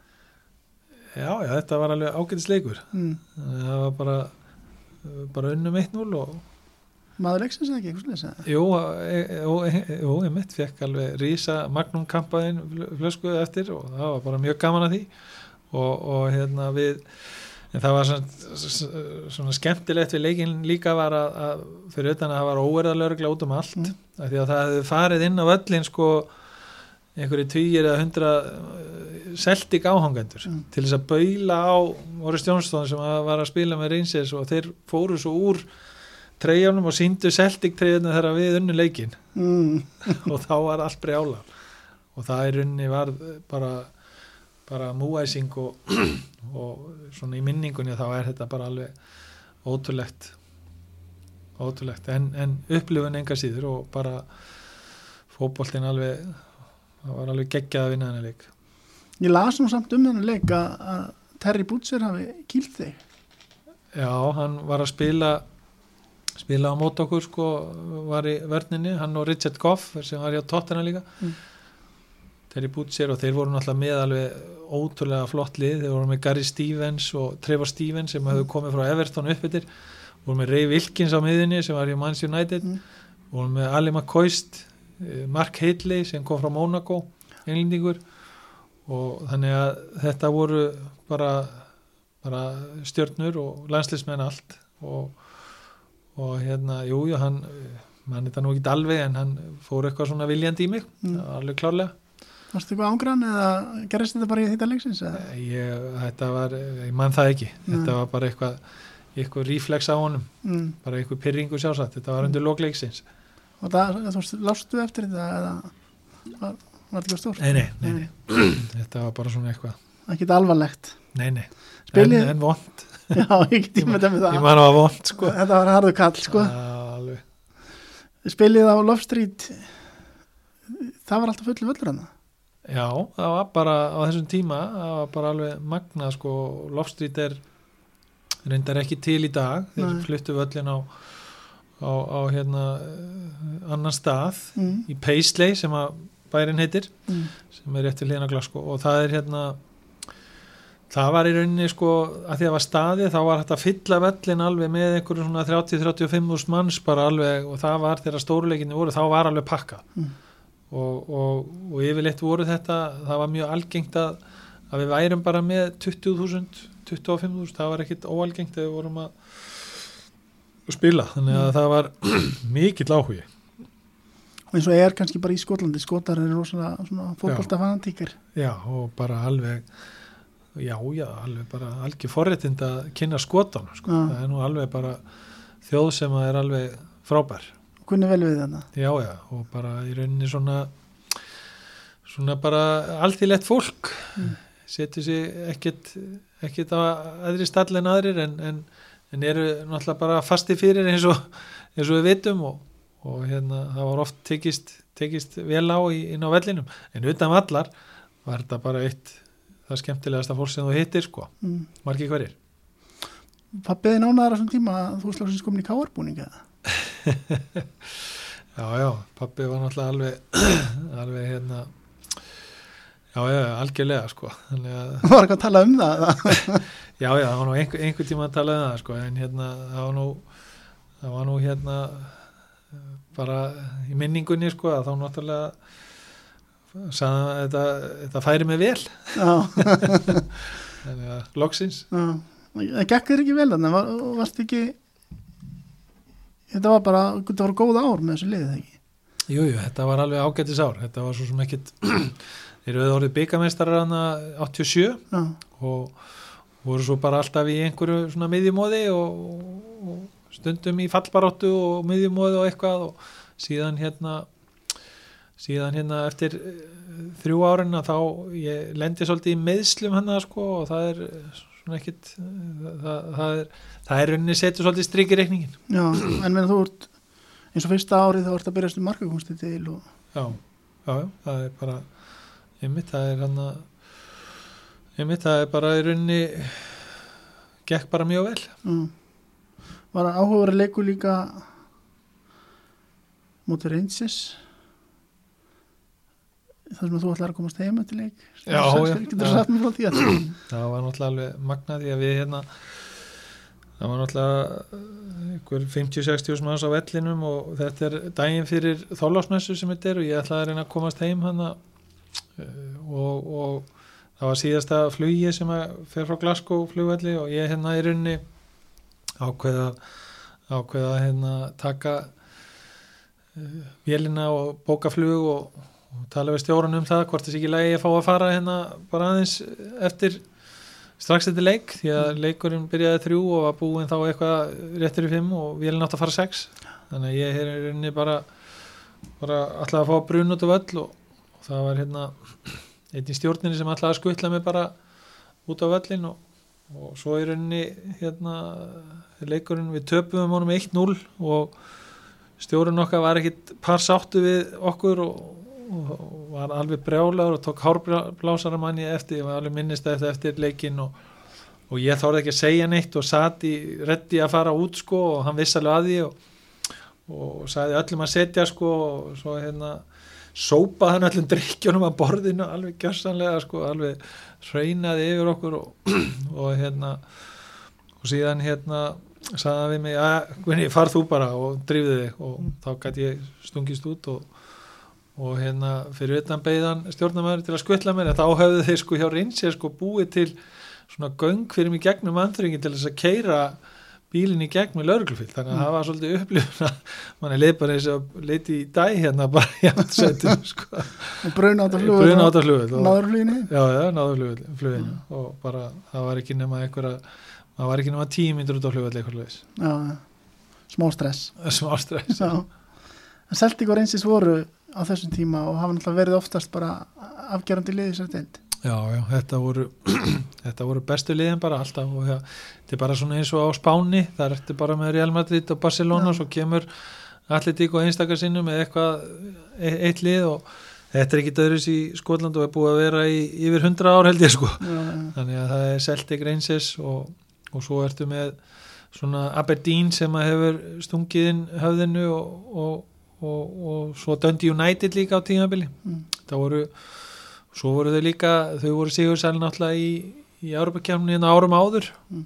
og, og þannig að þetta er þetta er samt bara reynsir Celtic bara Það er þá líklega verið svolítið hápunktur á ferðinum að vinna Celtic Já, það var alveg mjög eftirminnuleikur Það er 90 eða ekki það? Jó, það er, hana, það er nú bara það er það var, það var 90 já, mm. vinnum 3-0 og mm. bara það hafði ekki gerst í bara einhver, bara aldrei frá upphafi, hafði ekkert, ekkert liðunnið Celtic 3-0 á heimavelli og það var einni hérna bara virkilega virkilega ánægilegu dagur og minningunni alveg frábær Skoraður í þeim leika? Skoraði eitt, fyrsta ah, okay. Hvernig, hvernig upplifinu var það að skora? Það var bara mjög, mjög gaman sko, það var náttúrulega bara alveg upplifun og, og hérna, jújú, jú, þetta er bara hlutur sem að sem að er í minningunni alveg frábær mm. en, en, en mark er bara mark mm. en, en aðstæðu voru þannig þetta var alveg fullu völlur og, og þetta er bara svona í, bara var mjög gaman á henn tíma Vakti þetta ekki miklu aðtegla þegar þið værið að vinna þá? Jú, það gerði það og það var reyni hérna svona að því að Celtic náttúrulega búið og er alltaf með gott lið og einhverju þetta vegna og þeir voru með alla sína bestu leikmenn og þannig að það var í rauninni ekkit tanni sem var engin, og engin afsökun Já.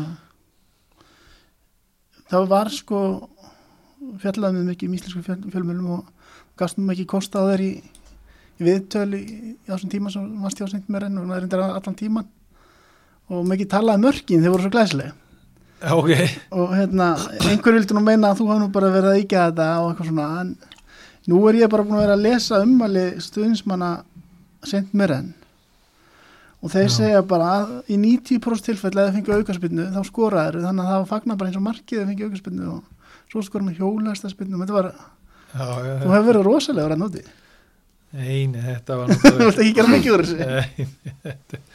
Það er náttúrulega verið að se- segja kannski maður svo sem bara það var kannski ekki hægt að ná í mann líka því að þetta voru bara landlínur og, Já, og það var að ringja eitthvað og ég var svo sem aldrei þannig sé eitthvað, eitthvað að óta mér fram í einhverjum, einhverju slíku. En, Mm. en, en, en þetta þetta bara var þegar þetta var og, og það bara reyni þannig bara. En var þetta svona eins og þeir segja þeir segja bara í nýju skiptum að tíu sem þeim fengi aukarspinnu þá slast þú að fara að skora þá var maður nú skorað yfir hundra mörg sko.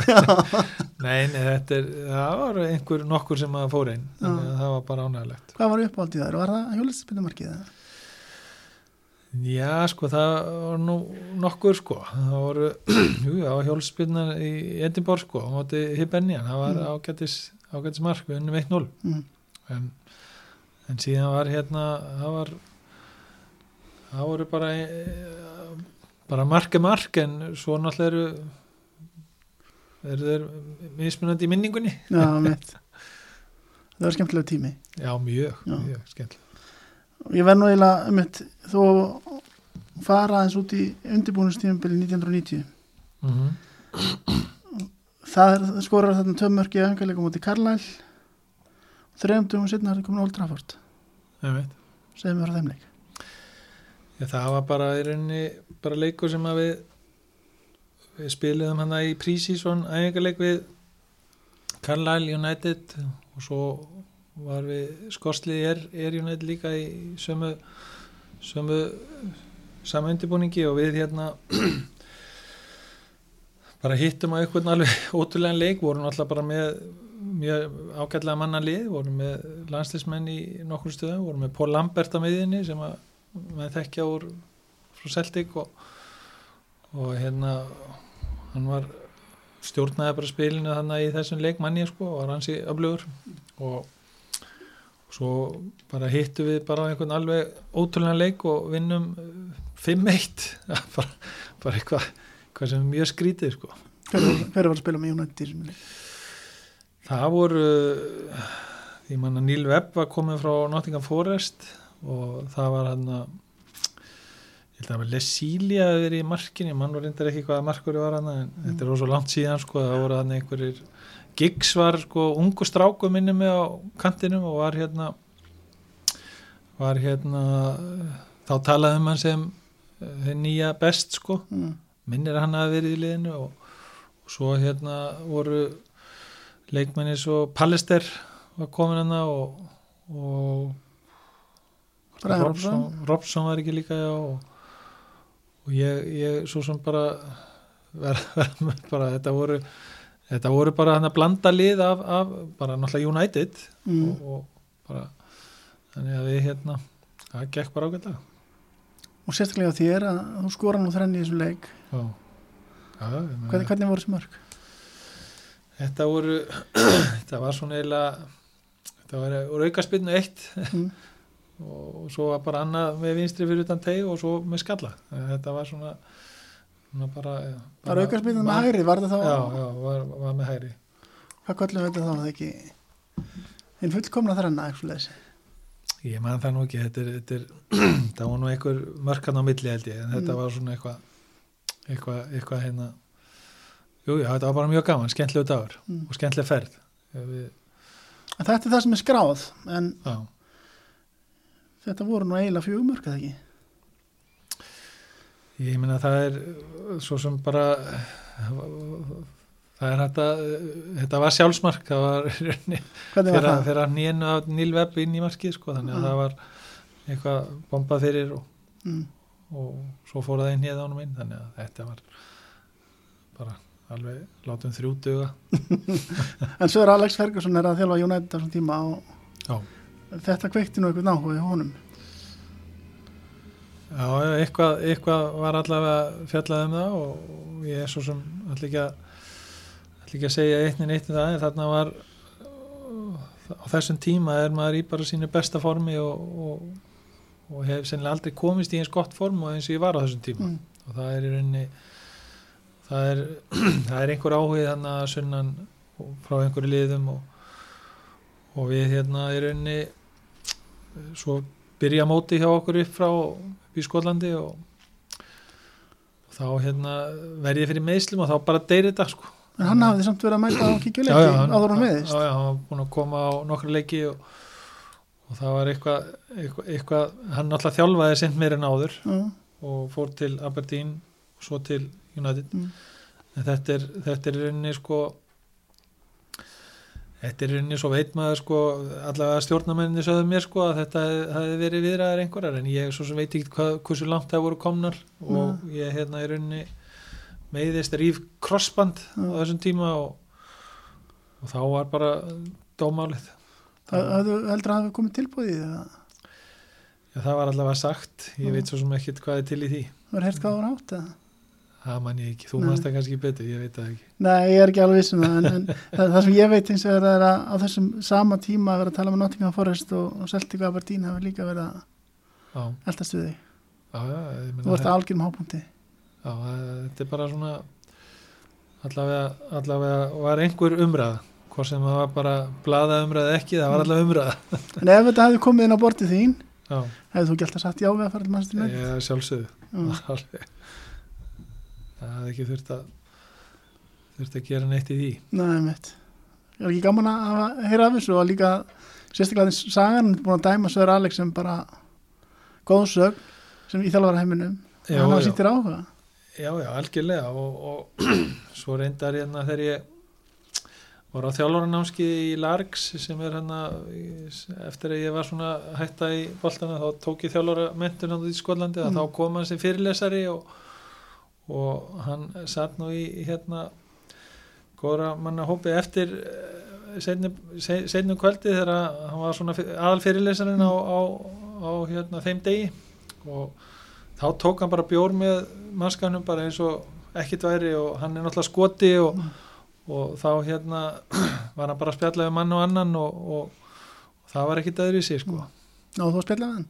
Já, það var, það var hérna hann, hann algjörlega, hann náttúrulega bara Hvað fór ykkur á milli? já, ég bara, veist, það var ekkit ekkit neitt eh, ekkit nema bara eitthvað fótbolta tengt sko, það var bara Mundan eftir að hafa sýttir áhuga?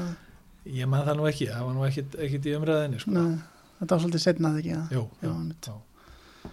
En já, þú slítir crossband og, og svo bara er einhvern veginn alltaf afturfótanum með meðslum þú lendir ykkur svakalegu andlismeðslum Já, ég verið að koma bara rétt tilbaka og þá þá er henni hérna er Júkoslavi sem er að spila mótið með sem var hjá Dundee United og hann eh, sem skallar eh, bara í hliðin á andlitan á mér og ég brýt mér mjög illa mm. bara keimbeisbrotna, kjálkabrotna og, og hérna nefbrotna og það bara í rauninni ég ranka, ranka við mig bara mann í etti bara í sjúkarbílnum og leiðin upp á spítala og, og þannig er ég frá alveg í nokkra mánuði sko. Mm. og þá er rauninni svona bara breytir alveg ferlinu hjá manni þegar þetta gerist og, og, og þá náttúrulega hérna svona Var ekki hræðilt að sjá þig? að- Jú, jú, ég var bara eins og fílamaðurinn sko, bara alveg bara Mm. með, með bara tvöfald andlit og, og hérna það bara eitthvað, eitthvað sem var bara stórslís Já, og setti verulega strik í, í þetta eins og, eins og bara er í þessum bolta íþróttum og, og mörgum íþróttum að það er, það er alltaf einhver áhætt í þessu og, og þarna bara kom þetta stórslís og ég var bara í rauninni, náði mér aldrei eftir þetta. Nei, mitt Kemur svo atvik í nóvumber 91 þar sem að þú gefur kostaði í íslenski landsliði sem er að fara að mæta frökkum. Já.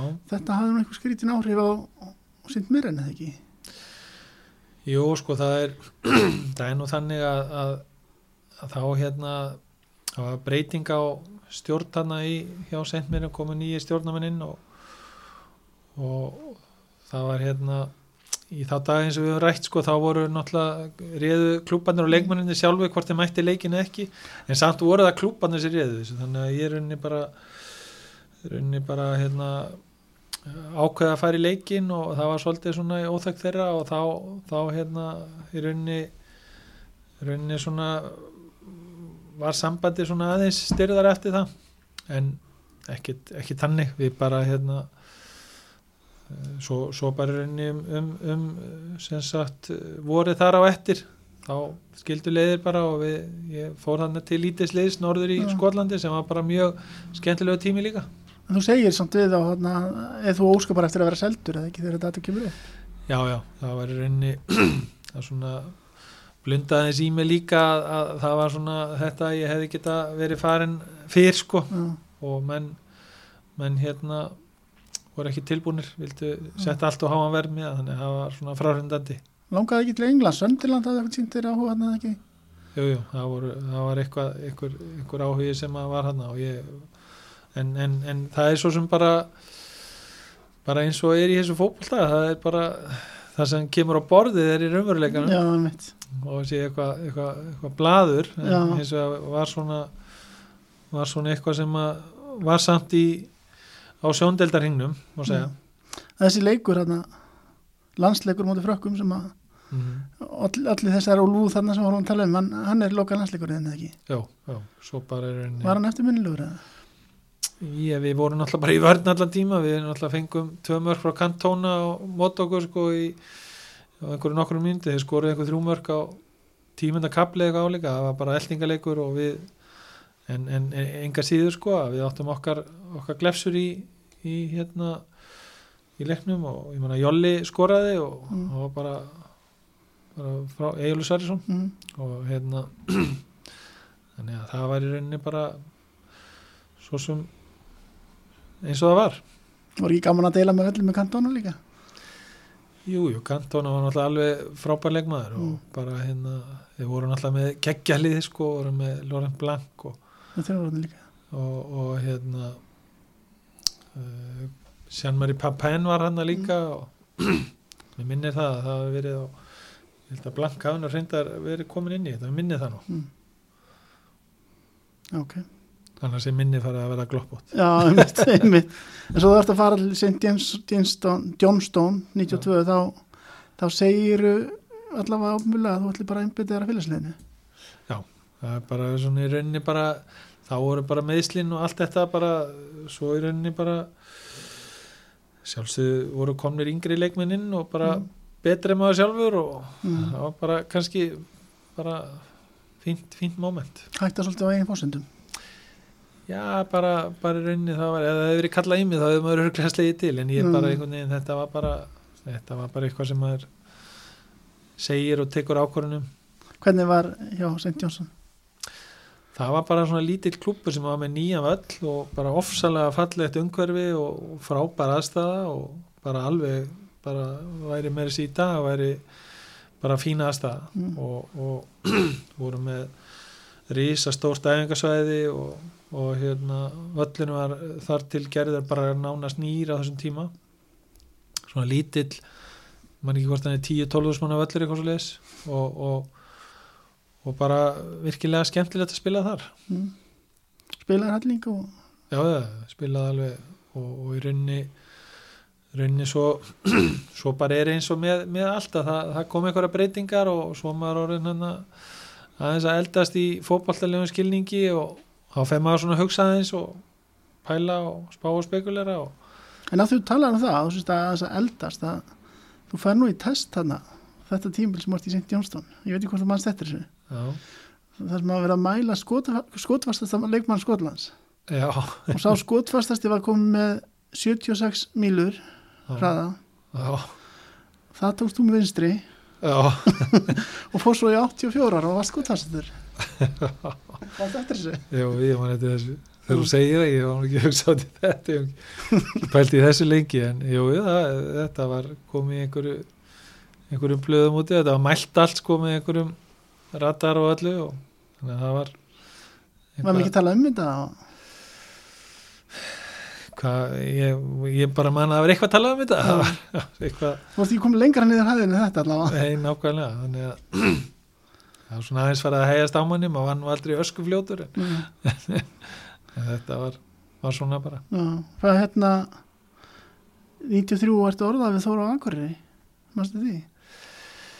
Já, já, það er náttúrulega það er náttúrulega það er gaman að hafa, hafa einhvað í umræðinni ég, ég fekk nú, þetta var nú kannski meiri blöðunum heldur en, heldur en beint frá, frá forraðamönnunum en, en ég hérna í rauninni sko það var alltaf einhvað, einhvað í gangi eins og bara í þessum fótbolta og, og ég maður til dæmi sko áður en ég fer til Östuríkis þá, þá höfðu valsmenn að sambandið mig og, Mm.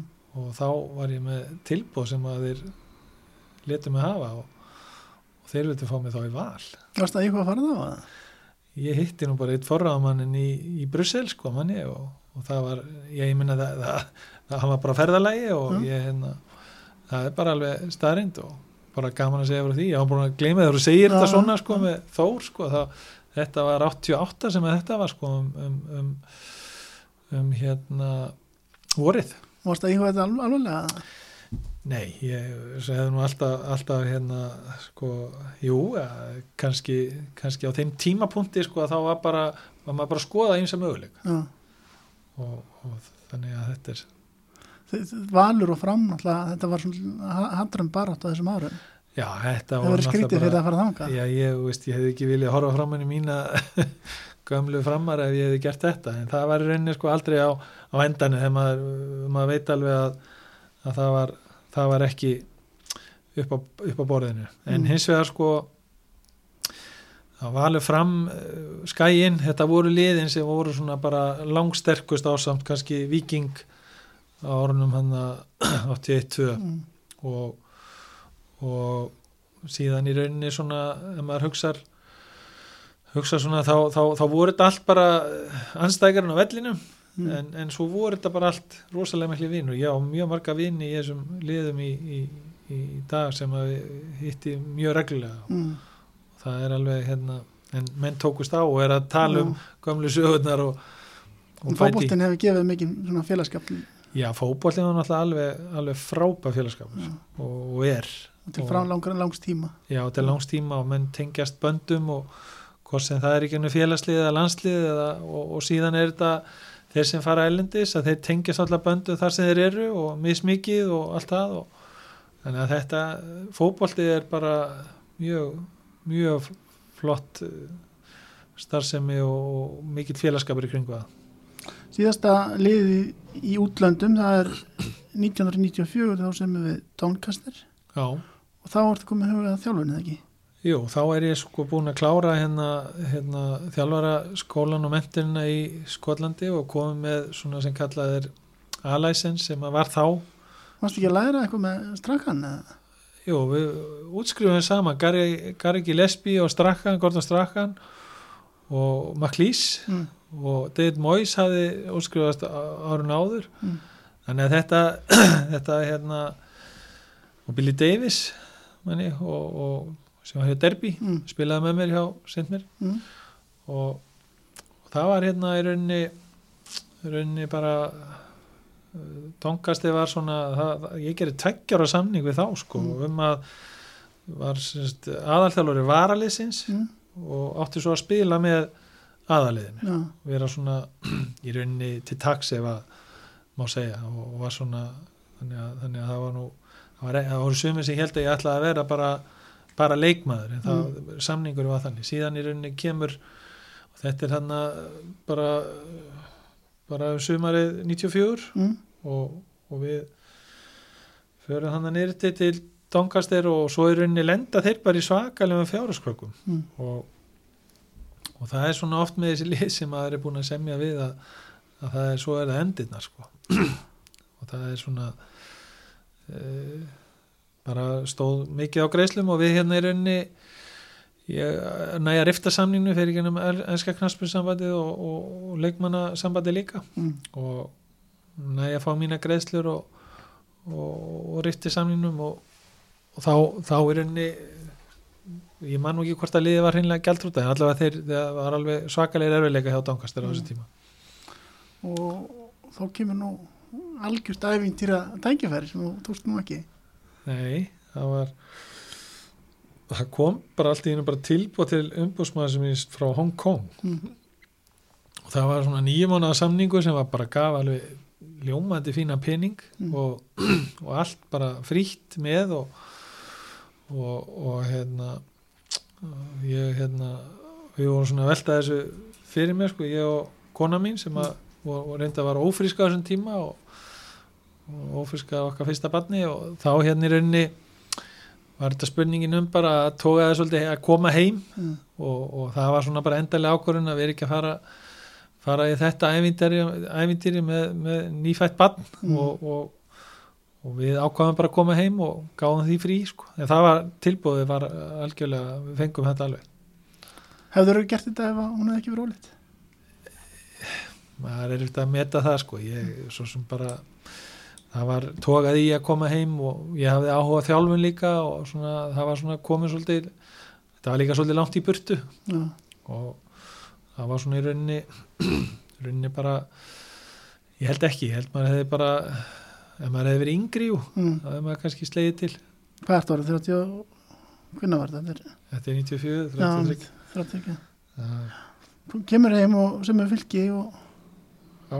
aðstóð þegar var ég hafa makka páls eða ekki? Jú, og bara flotta minningar og Maggi Páls var mjög bara náðum mjög vel saman og spilaði mitt með flottum strákum í fylki og Kitty Tom og Tóti Dan og Gunnar Þór Péturs og, og fleiri, Helgi Bents og fleiri þannig að þetta voru Óma Vald og Mm.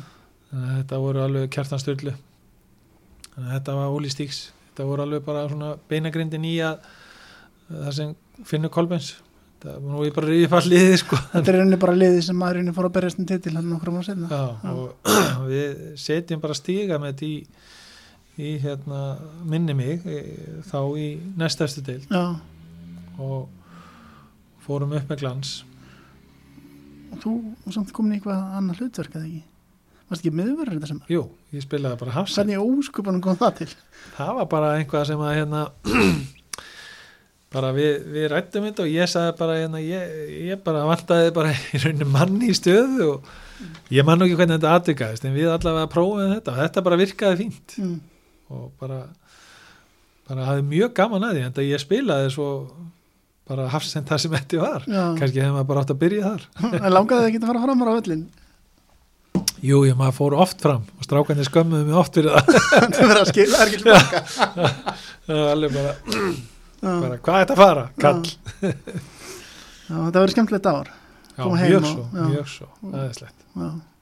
Mér ný, ný, nýfætt barn og fættist bara daginn aftur komst heim eða ekki? Jú, það var bara við lendum 7. desember og, og Birna, dóttir okkur kom 7. Mm. Það var bara eftirminnilegt. Frúin hefði nú ekki dátt að fá að fljúa reynlega bara sko, Já, komið það langt en. En svo hættur hjá fylki hann um hausti, það var, þú talaði nú um ágræning í fjölmjölum. já, það var nú svo sem bara það var eitthvað eitthvað, eitthvað í tíðarandanum bara að, að menn, menn taka bara einhverjar ákvarðanir út frá einhverjum fórsendum Mm. og, og svo langaði mig að, að, að hérna, fara meira inn í sem aðalþjálfur og hætta að spila bara alveg. En, en, en svo í rauninni bara það er eðlilegt að sko bara skildu leiðir og ég var bara með samning í eitt ár og Mm. það var bara sjálfsagt mál og, og þá bara kvættust menn eftir mjög gott sumar. Og, og það farið til grindaðugur, það, Já. þú varst það bara nokkur ár. Já, var í þrjú ár þar og Mm. það er nú bara með þeim betri árum sem ég bara eh, verið í knaspinu, alveg gríðarlega öflugt, eh, öflugt eh, starf í kringum Jónas Þórhalds og, og fleiri og, og, og hérna jú, ég bara samtíði þá í þrjú ár og þeir náttúrulega voru að taka líka ákvæmna áhættu með mig sem þjálfara og svo sem ekki, hafði ekki þjálfað áður og Mm. Ég náði rosa vel til strákana og, það var reyndar ég var svolítið skelkaði þegar ég komin á fyrstu fyrstu, fyrsta fundin sko, þá Mm. voru þeir 11 á fundinu minni mig og, og ég held að sá elsti var eitthvað það var Milan Stefán Jankovic reyndar hann var langalstur og svo var Soran Lúbisins hann og, og svo voru þetta bara meira munna strákar í kringum 18, 19, 20 sko Mm. og, og svo reyndar Hjálmar Hallgrímsson líka sem var náttúrulega alveg öðlingur og, Mm.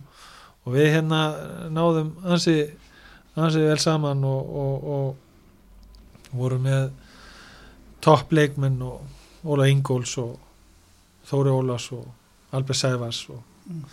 fleiri og fleiri. Svo kom Kekic til okkar og við fengum, ég fekk hann í, til þessu okkar í gegnum umbósmannan úti. Já, ok, sínist að mitt. og alveg frábæð leikmaður. Hann bara ílengdist á Íslandi. Já, og, og starfið þar var í rauninni frábært og, og, og uppbyggingin var hafin svona á þeir komið þannig árið áður upp og, og svo bara rauninni heldum enn þessari uppbyggingu á, áfram og, og ég man að við lendum í fallbaráttu 96 Mm. og það var alveg sögulegt á Ólasverið þegar þegar við erum bara fallnir og staðan er 0-0 á móti leiftri og við erum bara í lokasókninni og, og þá hérna er unni e, kemur einhver auka spinn og ég bomba marki og markurinn við er og Gretar Einars heitinn, mm. lesur í minning hans hann setur hann bara alveg frábælega og við vinnum 1-0 og höldum okkur í deildin Já, það sem varði í rauninni svona svolítið uppafið að því að, að það var eins og við hefðum unnið bara heimsmeistaratitil Já, já. það var svo mikið gleði. Þú ákveður að hætta að spila? Ég sko þetta á spila ég aðeins með þeim Mm. og svo uh, árið eftir þá bara laði ég þetta alveg þannig að, þannig að það var svona bara Vildur hafa hausinn bara meira í, stýraliðinu já já og þá líka náðist alveg töluvert góður árangur Mm. og, og, og við hérna vorum svona að byggja þetta upp og, og svo bara kláruðust hérna þessi þrjú ár og, og þeir reyndar held, heldu sér áfram og, og stóðu sér frábælega vel í þessi strákar allir. Mm. Þú ákveður að hætta eftir að samlingum líkur sem sagt. Já, já, já, og býður svo í smá tíma og tekur við þínum önum í fram. Árið 2000 já, einmitt. Já, það er svona það er svona kannski má ég að segja að, að fram var að koma út úr já, voru þannig með hlutafélag sem þeir höfðu stopnað Já, og það var svona dálítið óeining innan félagsins búið að vera að ganga mikið á endafarið og mikið á svona leðendamálum sem voru og sem að mínum að maður var alveg fyrir utan að Mm. ég var náttúrulega búin að vera ellendis og var ekki í rauninni að skipta mig mikið af nema náttúrulega bara gegnum mína vini og félaga Mm. sem að sem að hérna voru í fram og ég í rauninni sko eftir á að hyggja þá svona hefði maður kannski átt að taka við fram setna mm. en, en, en hérna það var bara ekki þessi stuðningur og þeir sem voru í stjórnvölinn þá sko, það voru menn sem hefðu einhverja skoðanur á fótbolta og það var, fór ekki alveg sama við mínar Mm. það var í rauninni þetta þetta svona sem að tóðast á og svo var hérna óþólum aðein alveg óskapleg og, en, en það er svo sem bara uh, framarar er framarar og maður bara er löngu komin yfir það og búin að búin að, búin að sættast eða, eða ef, ef eitthvað var ósætti það var nú aldrei ósætti mín vegna en, en þetta var samt í fjölmjölum að maður var reikin í beinni Nú ertu ekki í, í beinni já, eða? já, Hvernig, hvernig var það fram? já, það var bara í rauninni sko, bara mér var stilt upp við og það var í rauninni bara þetta að þú gerir þetta svona eða þá að, að við hérna slítum samstarfinu og Mm. þá bara var það þannig Mm. og ég er í rauninni bara ákveða að gera það og, og það var svona bara sásöka fullt að þetta var klúpurum hans en hins vegar í rauninni sko eftir á að higgja þá, þá var þetta náttúrulega bara í, í báðar áttir, þetta var ekkit sökinlega ekkit bara hinum einn en það var ekki góð aðferð sem var beitt sko, það Nei. var rauninni það sem að kannski satt í manni lengi vel en núna er þetta allt búið, þannig að það er bara List frá því fara, fleigum ummæli þannig já, hins vegar eru menn innar við að reyka þjálfar heldur en fíla í samanmyrinni já, já. Það, það var nú svolítið þannig að, að það var í rauninni sko þetta hlutafélag sem að setti svolítið ég var nú bara ekki bara tengdu fram í rauninni þegar það allt fyrir gang. Og, og menn voru með einhverja draumóra og, og alveg fjastæði kenda draumóra í rauninni því að þetta byggist allt á starfinu. Mm.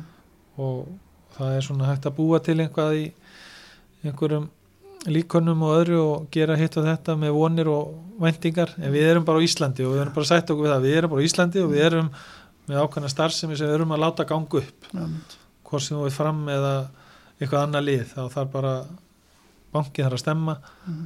og svo þarf náttúrulega bara að vera samstæða um hvað átt menn er að fara já, mitt uh, Svo farið nú annað þjálfarstarf sem er svona síðasta þjálfarstarfið sem er hjá Já. ír já, Hvernig kom það til?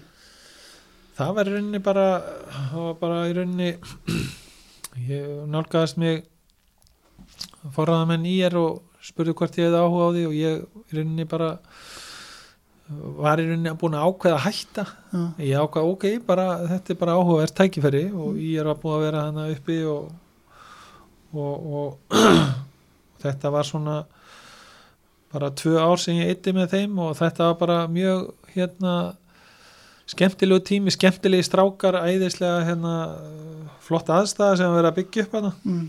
og, og, og bara í rauninni frábært fólk og, og leikmennin er alveg frábæri líka Mm. en það bara svo, svo rauninni var var ég kannski fann að hugsa um annað, önnur mál í, í langaði að menta mig og gera eitthvað í, í framhaldinu því að maður þurfti að hugsa um að maður þurfti að gera eitthvað eftir fótboltan Og fórstu þá í nám? já, fór þá í nám Hvað fórstu að læra? þegar ég maður, maður segir eins og Latti sagði í skaupinu fóruðum sko, maður fór bara í kláraði viðskiptarfræðin í háskólanum sko. þannig að hérna var, var með ógleði og allt það og hérna sem sagt og bætti við með hagfræði líka og, Mm. og fór bara fu- fullt í nám og hætti bara allir í þjálfun Já. En hættum samt ekki að afskipt með fótbolta því að þú náttúrulega búin að vera að lýsa fótboltaleikjum og vera svona sérfræðingur og fylgdi nú skjá, skjá einum þegar þeir tóku enska boltan hvað, 2006?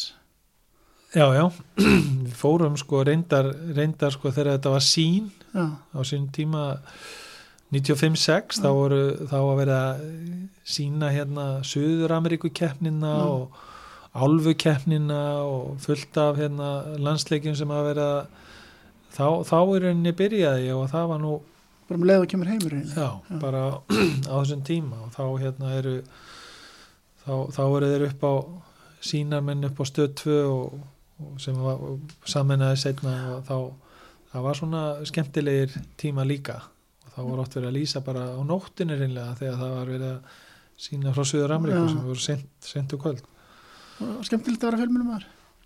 Já, ég hafði gaman að því, ég var alveg alltaf tölvett langa tíma var ég viðlöðin það og bara alveg mjög skemmtilegt að, að, að bara vera í samskiptu við fólk og, og, og vera í, í, teiminu sem var að lýsa leik, það var Mm. bara virkilega gaman. Svo kemur 2011 og þá færðu starfstilbúð frá Rangers eða ekki?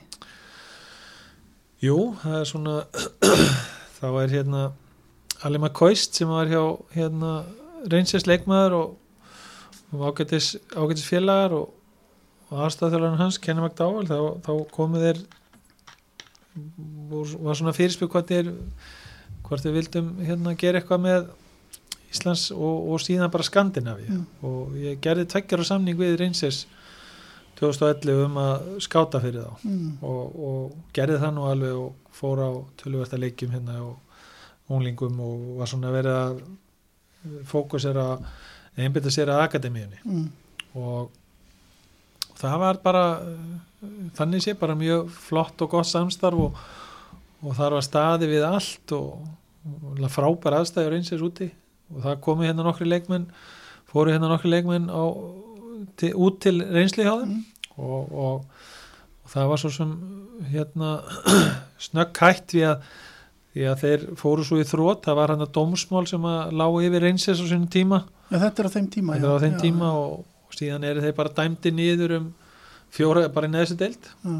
og, og þar með var öllum samningur rift og þeir bara pökkuði vörn og, og þá er enni var, var en, en ég næstu því kláraði samningin sko, þannig að þetta var hann á þessum árum 2011 og 12 Hann ert í, fram á þessum tíma þarna fyrstu nú leikmenn frá Rangers líka.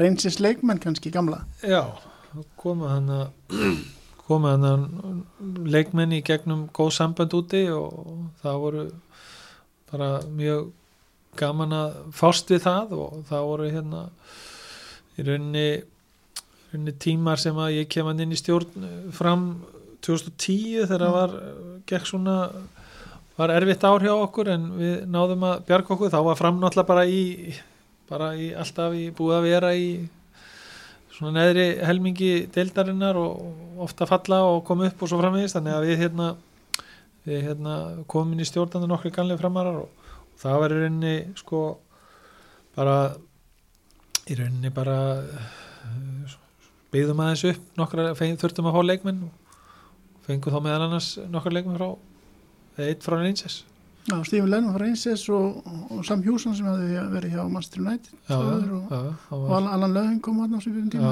hann var reynda búin að vera hann aðeins áður en við sömdum svo lengi við á.